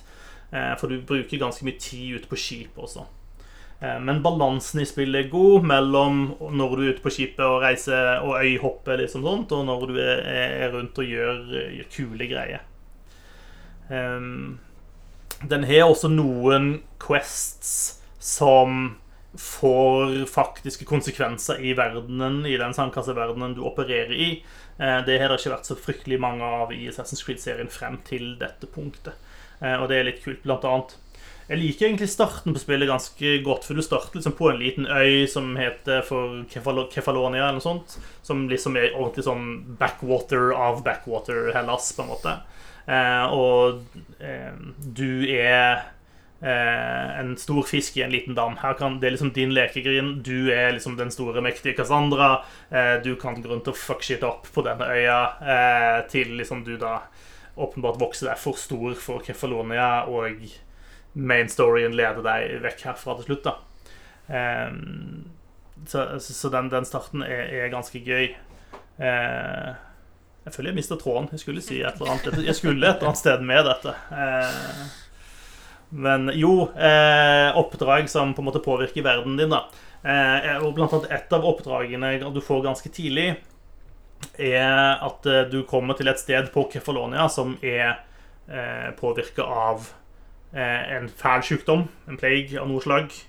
Eh, og så er det da noen som har tatt på seg eh, å gjøre kål på alle folkene i en landsby for at ikke denne sykdommen skal spre seg. Og når du da kommer valsende inn i dette området, så sitter liksom en familie med mann, kone og barn på knær eh, liksom ved noens nåde, og det blir egentlig opp til deg om de skal få lov til å ta livet av disse i forsøk på å hindre sykdommen til å spre seg, eller om du skal stoppe de og la de få leve. Eh, og konsekvensene av dette må du på en måte leve med, eller vil du oppdage når du en gang seinere i spillet returnerer til Kefalonia. Ehm, så det er introdusert noen sånne ting som, som jeg syns er kult. da eh, At du opplever at det, de valgene du gjør, faktisk har konsekvenser i, i spillverdenen. Det syns jeg er ganske stilig. Um, I um, Så tonen er ganske lett og gøyal og eventyraktig i, i Odyssey. Uh, og jeg syns bevegelsesmønstrene og sånne ting også. Så karakteren din føles ganske lett. Eh, Bayek føltes noe mer litt sånn tyngre. Eh, mens, mens, her er du veldig på den, den lette siden. Eh, som jeg syns funker helt greit, men eh, hvis hvis du spiller Assassin's Creed-spillene fordi at du digger combat-systemet og vil ha utfordrende combat, så kan det være du vil reagere på at eh, eh det, karakterene er for raske og sånt. Ja. Yes, det er veldig mange systemer i dette spillet. De, de, liksom, de lesser på med, med, mange forskjellige lag og mange forskjellige ting du kan velge å forholde deg til. Eh, du har sant, disse, disse, kultmedlemmene du skal drive og ta ut. De blir det jo bare flere og flere av etter hvert, oppdager du. Så har de i tillegg et sånn eh, mercenary-system, for du er jo egentlig en mercenary, eller en mistios, som det visstnok heter på, på gresk. Eh, og det fins fryktelig mange av disse, og det, det systemet er ganske inngripende. Eh, Fordi hver gang du gjør et eller annet, som å drepe soldater, som er det du gjør hele tida, så mm, på en måte vokser en sånn notoriety-skala. Og jo mer den vokser, jo flere andre mercenaries er ute etter å ta deg, så du får en bounty på deg. Eh, og disse mercenariene som kommer for å ta deg, de er på rundt ditt, ditt level, som gjør at de er relativt utfordrende én til én. Eh, og får du høyere på notoriety, så vil det da kanskje komme to, tre, fire stykker etter deg.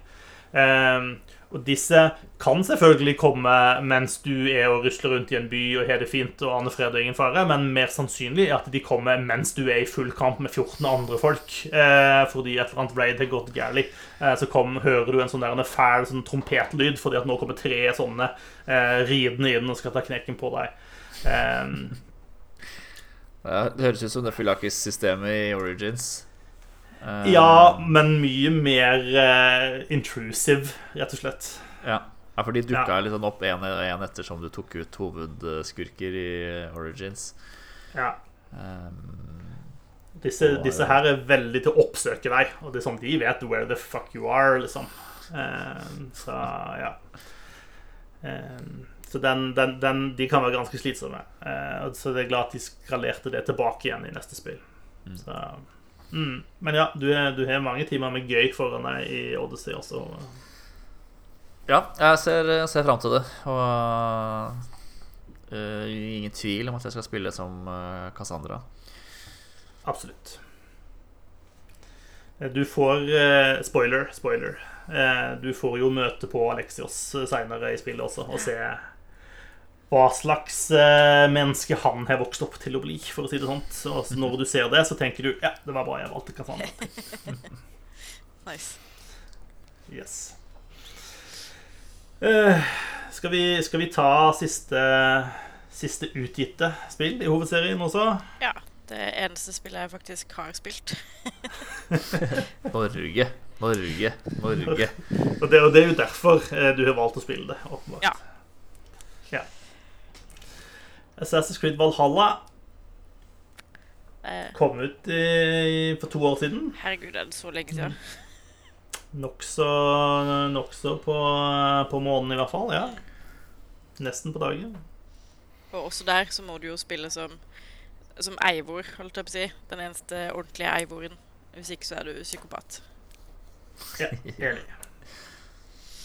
Der har de bare liksom Der, der har de gitt, gitt litt opp med hele bakgrunnshistorien og sånne ting, og gi deg grunner til å gi, ta valg. Her er det bare Her har du manneeivor, og du har dame-Eivor.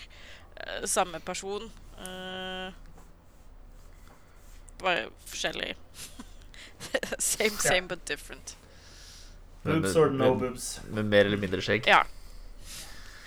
Rett og slett. Ja. Ehm,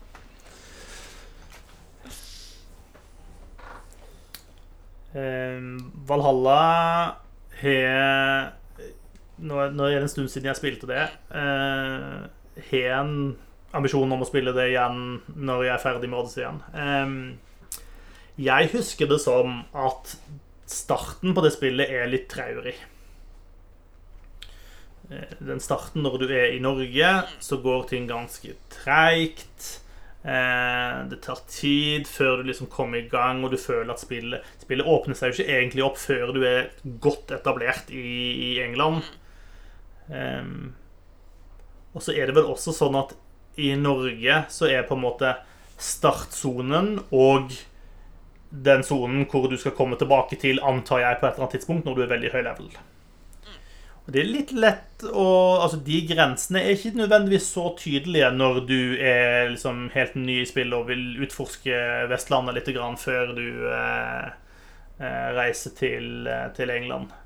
Eh, det er litt dumt å bare dumpe inn i, i high level-området i starten. Ikke anbefalt. Men du får i hvert fall en grunn da til å, å måtte forlate moderlandet og reise ut til England. Eh, og da kommer du ganske raskt til det som er nytt i Assassin's Creed Valhalla, som er at du etablerer en vikinglandsby. Eh, og denne skal du da drive og oppgradere. Det er masse quests knytta til den om at folkene skal ha det bra, og de trenger selvfølgelig hjelp til alt mulig rart. Du må samle masse drit eh, som de har lyst på, eh, som er spredt utover hele England. Eh, og i tillegg så har du jo da dette langskipet ditt som du bruker til å seile langs elvene i Storbritannia med for å, å plyndre og ja, Det er vel ikke så mye voldtekt egentlig i spillet, tror jeg. Men eh, plyndring er det mye av. Brenne ned klostre og sånt. Du kan eh, eh, ligge med folk med deres samtykke. Og det er hyggelig. Ja, Både Ja. menn og kvinner. det er korrekt. Og det skaper jo så klart som i eh, Odyssey. Ja, det skaper jo så klart litt drama eh, i leiren når du velger å, å ligge med kona til, til høvdingen. Ja, som er på en måte din eh, stebror, eller noe sånt. Blodsbror, tror jeg vi kaller det. Blodsbror. Ja. Ja, et eller annet Hvis ikke så blir det Ja. litt ikke Dette er tross alt ikke Pornhub. Det er Ubisoft. Ja, jo, men ikke du liksom eh, What are you doing, blood brother? Nei, stående her med hodet inni uh, tørketrommelen. Uh, ja. Ja eh, Valhalla, det, det, det er mye spill der. Det er mye som skjer i dette spillet. Eh, du skal reise rundt til mange forskjellige områder i, eh, i England. Eh, inkludert London, eller Londonium, eller hva det nå heter for noe på dette tidspunktet. Eh, og det, du følger på en måte en stor Questline. Eh, og så er det fryktelig mye annet opplegg som skjer i tillegg. Og det er veldig mye norrøn mytologi, og plutselig så befinner du deg på jeg håper å si, et helt annet plane of existence og skal gjøre masse drit der. Og der skal du gjøre deg ferdig, og så skal du jobbe med tilbake igjen dit på et senere tidspunkt og gjøre mer. Og Odin og Thor og gud bedre eh, der oppe. Det virker litt som de har bytta ut hele den rammefortellinga og animus-faenskapet, bare med denne mytologiske fortellinga. Ja. Som jeg egentlig kunne greid meg helt fint uten, til tross for at jeg er kjempefan av liksom, norrøn mytologi og syns det er dritgøy. Eh, men det hadde holdt liksom med bare Eivor og det hun gjør i, i den virkelige verden. Vi trenger ikke at hun er en slags Odin-ekvivalent som skal drive og kuke rundt i, i faktisk Valhall, på en måte. Nei, for det er noe der med at det tar vekk sant? Det tar vekk eh, fokuset på det du holder på med. Ja. Jeg vil bare løpe rundt i England og Irland og eh, bange folk og blæste folk i trynet med øksa mi, liksom. Ja, det er for mye å be om. Ja, sant? Og adoptere flere katter til landsbyen min. Eller eh, og, og Ja, eller til skipet ditt. Ja, til skipet Ja. mitt. Og liksom finne kule folk å ha med på tur. Ja, og jeg syns, syns uh, Assassin's Creed Valhalla er flink på å gi deg en sånn type payoff på mange av questene du har. da, At uh, hvis du møter en litt kul NPC på en, en lang questlinje, så er det kanskje et rom for at kanskje den personen joiner deg enten på skipet ditt eller kommer og flytter inn i, i landsbyen din, eller noe sånt noe. Det, det, det, da, da føles som om det er litt mer ja, levende verden, da. Det, det, det er bare, verden er ikke bare statisk, og du bare reiser gjennom den, på en måte, men du er med å utvikle hva som skjer, og det er litt kult. Altså, Av og til så føles den landsbyen litt gimmicky også, det gjør den, men jeg syns det er litt kult likevel. Og så er det fryktelig masse ting å samle. Ja, Og du skal samle Du skal samle musikk, og du skal samle tatoveringer, og du- skal rundt og gjøre Samle scroller til snikmorderlauget som har åpna en filial i denne vikinglandsbyen din, for selvfølgelig har de det. Eh, og du skal oppgradere alle bygningene, sånn at de blir bedre, og da må du drepe flere bjørner, og ja Du skal samle Jeg husker ikke hva han der Er det dikt du savner, eller noe sånt noe? Det, det er sånn eh, en, en veldig kulturelt kulturell herremann som har et eh, bygg som han skal drive og oppgradere, og til det så trenger han Ja, han er sånn eh, Er det noen gamle romerske artefakter er det kanskje han samler på? Det er en sånn museumsopplegg. ja There's a lot, og det, de bygger bare på med nye og nye systemer i DLC-ene som kommer ut også. Du har et DLC som fokuserer på å drive og gjøre raids langs elvene. Eh, Og som har et sånn slags type reward-system som altså Jo høyere risiko, jo høyere reward. Sånn at hvis du kan reise langs en elv, så tar du kanskje det første settlementet. Og hvis du da prøver å ta neste og neste igjen, så vil du få høyere rewards, men da er også risikoen større for at det går, ting går til helvete. Um, og så har du en del scenen som sender deg til Irland, og der oppretter de et helt nytt fucking system i forhold til handelsstasjoner med helt nye ressurser som du skal drive og handle med, som da også spiller inn på byen din tilbake i England. Og så har ikke jeg kommet videre og spilt Du skal jo til fuckings eh, Er det Paris du skal til? Du skal jo til Frankrike. Eh, og herje litt der også. Og så kommer det vel med en ny DLC for ikke så lenge siden, som også er noe sånn helt eget eh, opplegg. Ja. There's a lot. Det er veldig mye. Eh, og det kan fort bli litt sånn eh, overwhelming, rett og slett. Så det, jeg, jeg føler jo at vi spilte jækla mye. Men vi har jo ennå ikke liksom kommet oss til Irland. Jeg tror ikke vi har kommet oss til Paris engang, når jeg tenker meg om. Eh, litt usikker, bare fordi det er så fitte mye å gjøre i det spillet.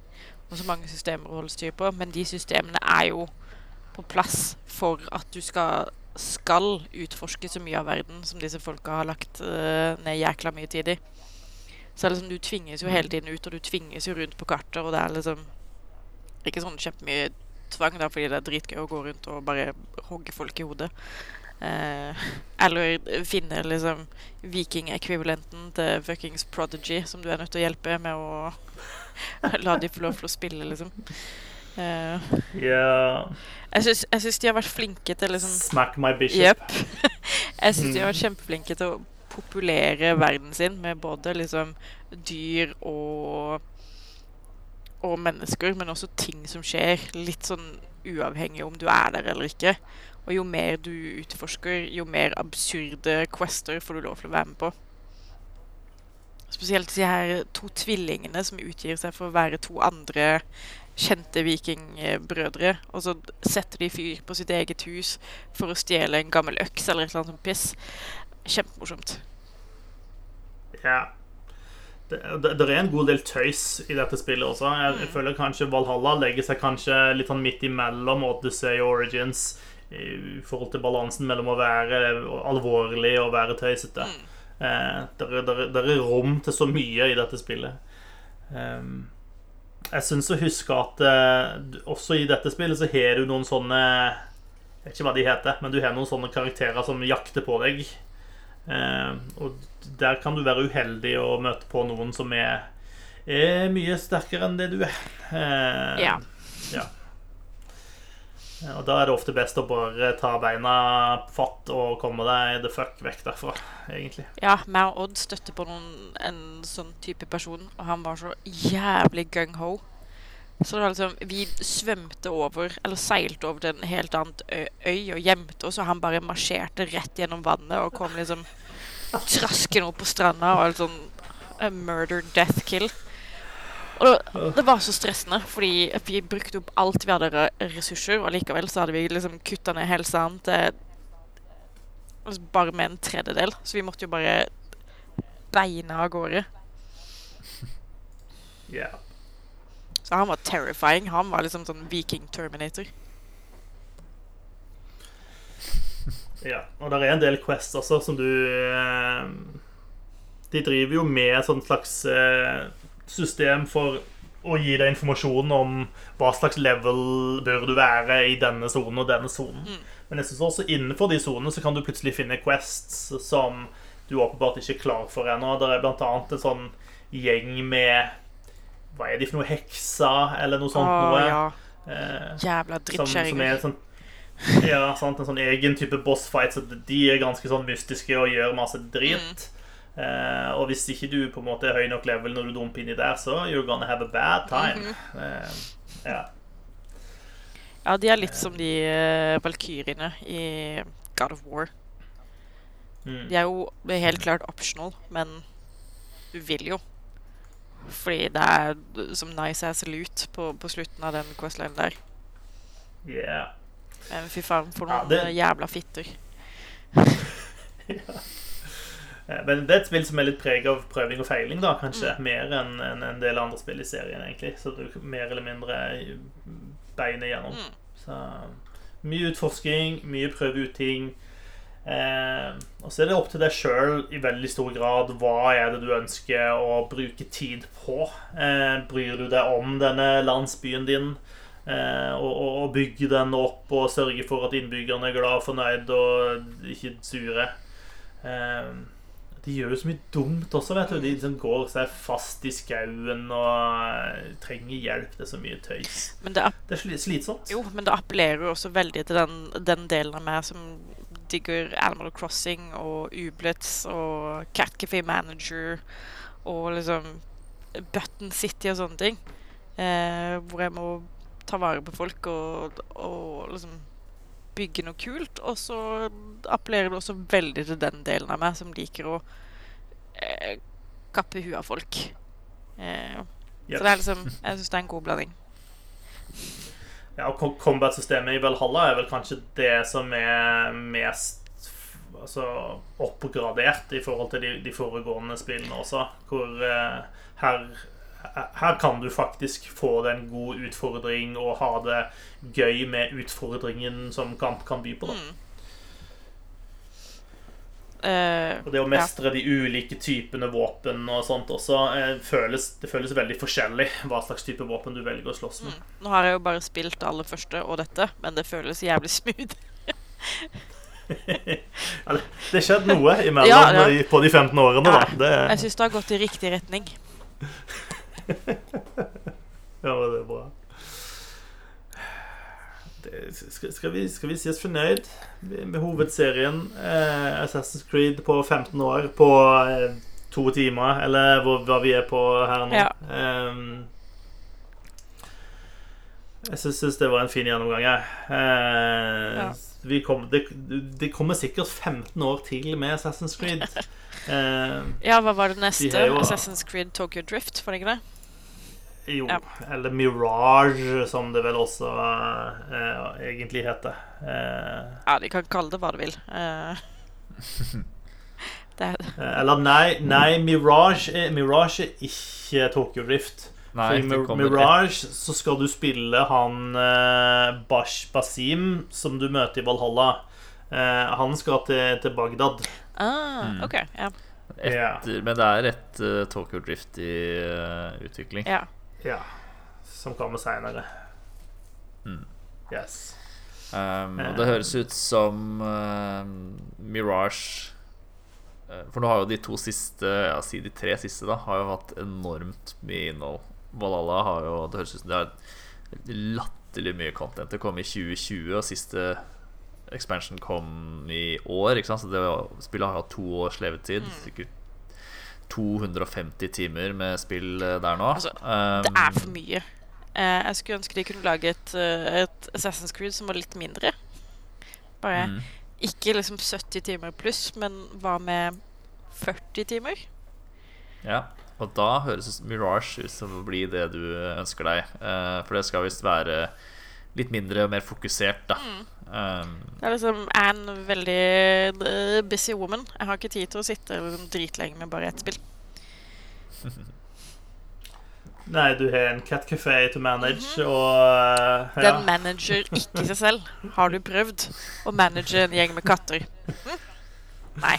Mm. Ja, nei, det virker som om de, de signalene de gir gitt om Mirage, er at de skal skalere ned en del av de systemene og ja, kutte, kutte ned litt til beina igjen. eh. Noe av det kanskje litt svulstige som, eh, som det, det frem til og med Valhalla har blitt. da Selv om, selv om jeg liker de tingene. Jeg syns de tingene er kule. Men eh, vi, kan ikke få, vi kan ikke ha et sånn et spill annethvert år. Det blir for mye. Ja. Nei, jeg tror, de, jeg tror de kan ha godt av å liksom bare kutte ting litt ned til beinet og se hva, hva er essensen av Assassin's Creed. Ja, Men det virker jo som om planene de legger fremover, er at det skal komme en hel haug med Assassin's Creed-spill fremover. Sånn at Det kommer sikkert noen som skal være full blown samme size-ish som Valhalla er, og så kommer det noen andre som skal gi kanskje en annen type opplevelse. Det virker som de mener at det er, det er rom for mange varianter i Assassin's Creed. Eh, De har jo begynt med egne ikke Ubisoft-event, men Assassin's Creed-events. Eh, for å fortelle deg om alt som skjer i Assassin's Creed-universet. Det sier litt. ja. Og så har de vel dette Infinity, som de i tillegg på en måte snakket om litt for lenge siden, og som de ikke har gitt noe mer særlig detaljer om. Som skal være en sånn type live service-plattform Som kanskje skal være et sånn slags rammeverk for andre spill, eller who god knows hva den greia der egentlig skal være. for noe. Det skal være noe som knytter sammen Assassin's Creed-universet på et eller annet vis. Ja. Det om det. Det fins en Hollywood-film uh, av Assassin's Creed og Michael Fassbender kom ut i 2016. Ikke se den. Eh, nei, Bare det går helt hands fint. down, ikke se den. Selv ikke Michael Fassbender kan redde det makkverket der. Og jeg ser nesten Nei. alt han er med i. Uh, fordi han Jeremy Irons spiller skurken, fordi selvfølgelig gjør han det. Of course, ja, ja. Eh, ja. Eh, Det går helt fint at du ikke hadde fått med deg at den filmen eksisterte. Ja. Det går bra. Ja. Er vi fornøyd? 15 år med Assassin's Creed. Er vi, vi, four more years? 15 more years? Vi er klar? Yeah. Ja, i hvert fall eh, Jeg skal i hvert fall gjennom Odyssey og, og Valhalla, har jeg tenkt. Så får vi håpe at Mirage eh, og Tokyo Drift leverer eh, varene. ja. Jeg, altså, jeg vil spille mer Yes. Valhalla bare fordi jeg syns det er jævlig kult. Og så krysser jeg fingrene for at i fremtiden, kanskje om en ti år, eh, så kommer det et Assassin's Creed-spill hvor det er en kvinnelig hovedkarakter. Og det er bare en kvinnelig hovedkarakter. Du kan ikke velge, liksom. Eh, vil du spille en, en dame, eller vil du spille den kule broren hos en? Du er så woke. Ja, ja, kjempewoke. Eh, men også et spill hvor den kvinnelige hovedkarakteren er med på alle coverene og blir brukt i promomaterialet. Host, host, Valhalla. Altså, det er jo urealistisk, da. Altså, det fantes, det fantes jo ikke kvinner i gamle dager. Nei, altså, vi har Eh. jo funnet ut at kvinner ikke ble oppfunnet før 1996. Uh, men jeg mistenker også at det er grunnen til at Ubisoft har introdusert mer mytologiske og fantastiske elementer til serien sin. Det er fordi OK, nå skal vi inkludere damer. Da kan vi ikke være historisk korrekte lenger. Uh, frem med minotaurer og guder og magi og tjo og hei. Da er det ingen som gjør opprør mot at det er en dame med i spillet. Yes. Ja, husk at de er veldig vanskelig å animere, så Kjempevanskelig. Ja, det- kan ta litt tid før, du, før du får den, den drømmen oppfylt. Ja, det er derfor jeg liksom Ja. eh, Innen ti år er mitt håp. Ja, nei, jeg ehm, Jeg er redd for at uh, det fins et datagrunnlag som viser at eh, når folk får muligheten til å velge kvinne eller mann, så er det fryktelig mange som velger å spille som mann. Og det tror jeg gjør at de er veldig redd for å I hvert fall at på en måte etter hovedspillene etter storsatsingene skal være låses til bare å kunne spille som en kvinne. Jeg tror de er redd for at da er det mange folk som kommer til å si 'fuck this shit'. Eh, jeg, jeg er jo en ordentlig mannemann. Eh, det å spille et spill som en kvinne vil gjøre meg til en mindre mannemann, og det, det vil jeg ikke ha noe av. Ja, Det er derfor ingen menn spiller Tomb Raider. Fordi du får ikke valget mellom Lara og Lars Croft. Nettopp. Ja. Det er sånn det funker. Uh, folk. Folk. Folk. Det er det they are the reason we can't have nice things. Sånn er det. Men Assassin's Creed har klart å snuble seg fremover i 15 år. Ehm, kanskje, kanskje får du drømmen din oppfylt eh, på et eller annet tidspunkt. Kanskje til og med innen du har fullført Assassin's Creed Valhalla. Ja, Mm. det er faktisk veldig sannsynlig. Yes. Jeg tror vi gir oss med Assassin's Creed. Jeg syns dette var artig. Det var gøy å prate så mye om ett tema. Jeg vet ikke om vi er 100% landa hva neste tema blir ennå. Vi har noen ideer, men uh, Ragnarøk, tror jeg. Det er i hvert fall et, eh, noe vi ser på, ja. Mm. Fordi det spillet kommer ut, så da blir det God of War uh, i en eller annen form, sannsynligvis, uh, neste sending. Eh, så da er det bare å henge med. Eh, inntil da. eh, Jeg håper dere har det fint. Jeg håper eh, når dere har sett resultatet av valget i USA, at dere fortsatt klarer å holde motet oppe. Yes. Eh, takk, takk for nå. Takk for at dere var med oss. Og hei på gjensyn gjenhør om noen ukes tid. Takk for tålmodigheten. Hei så lenge. Bye!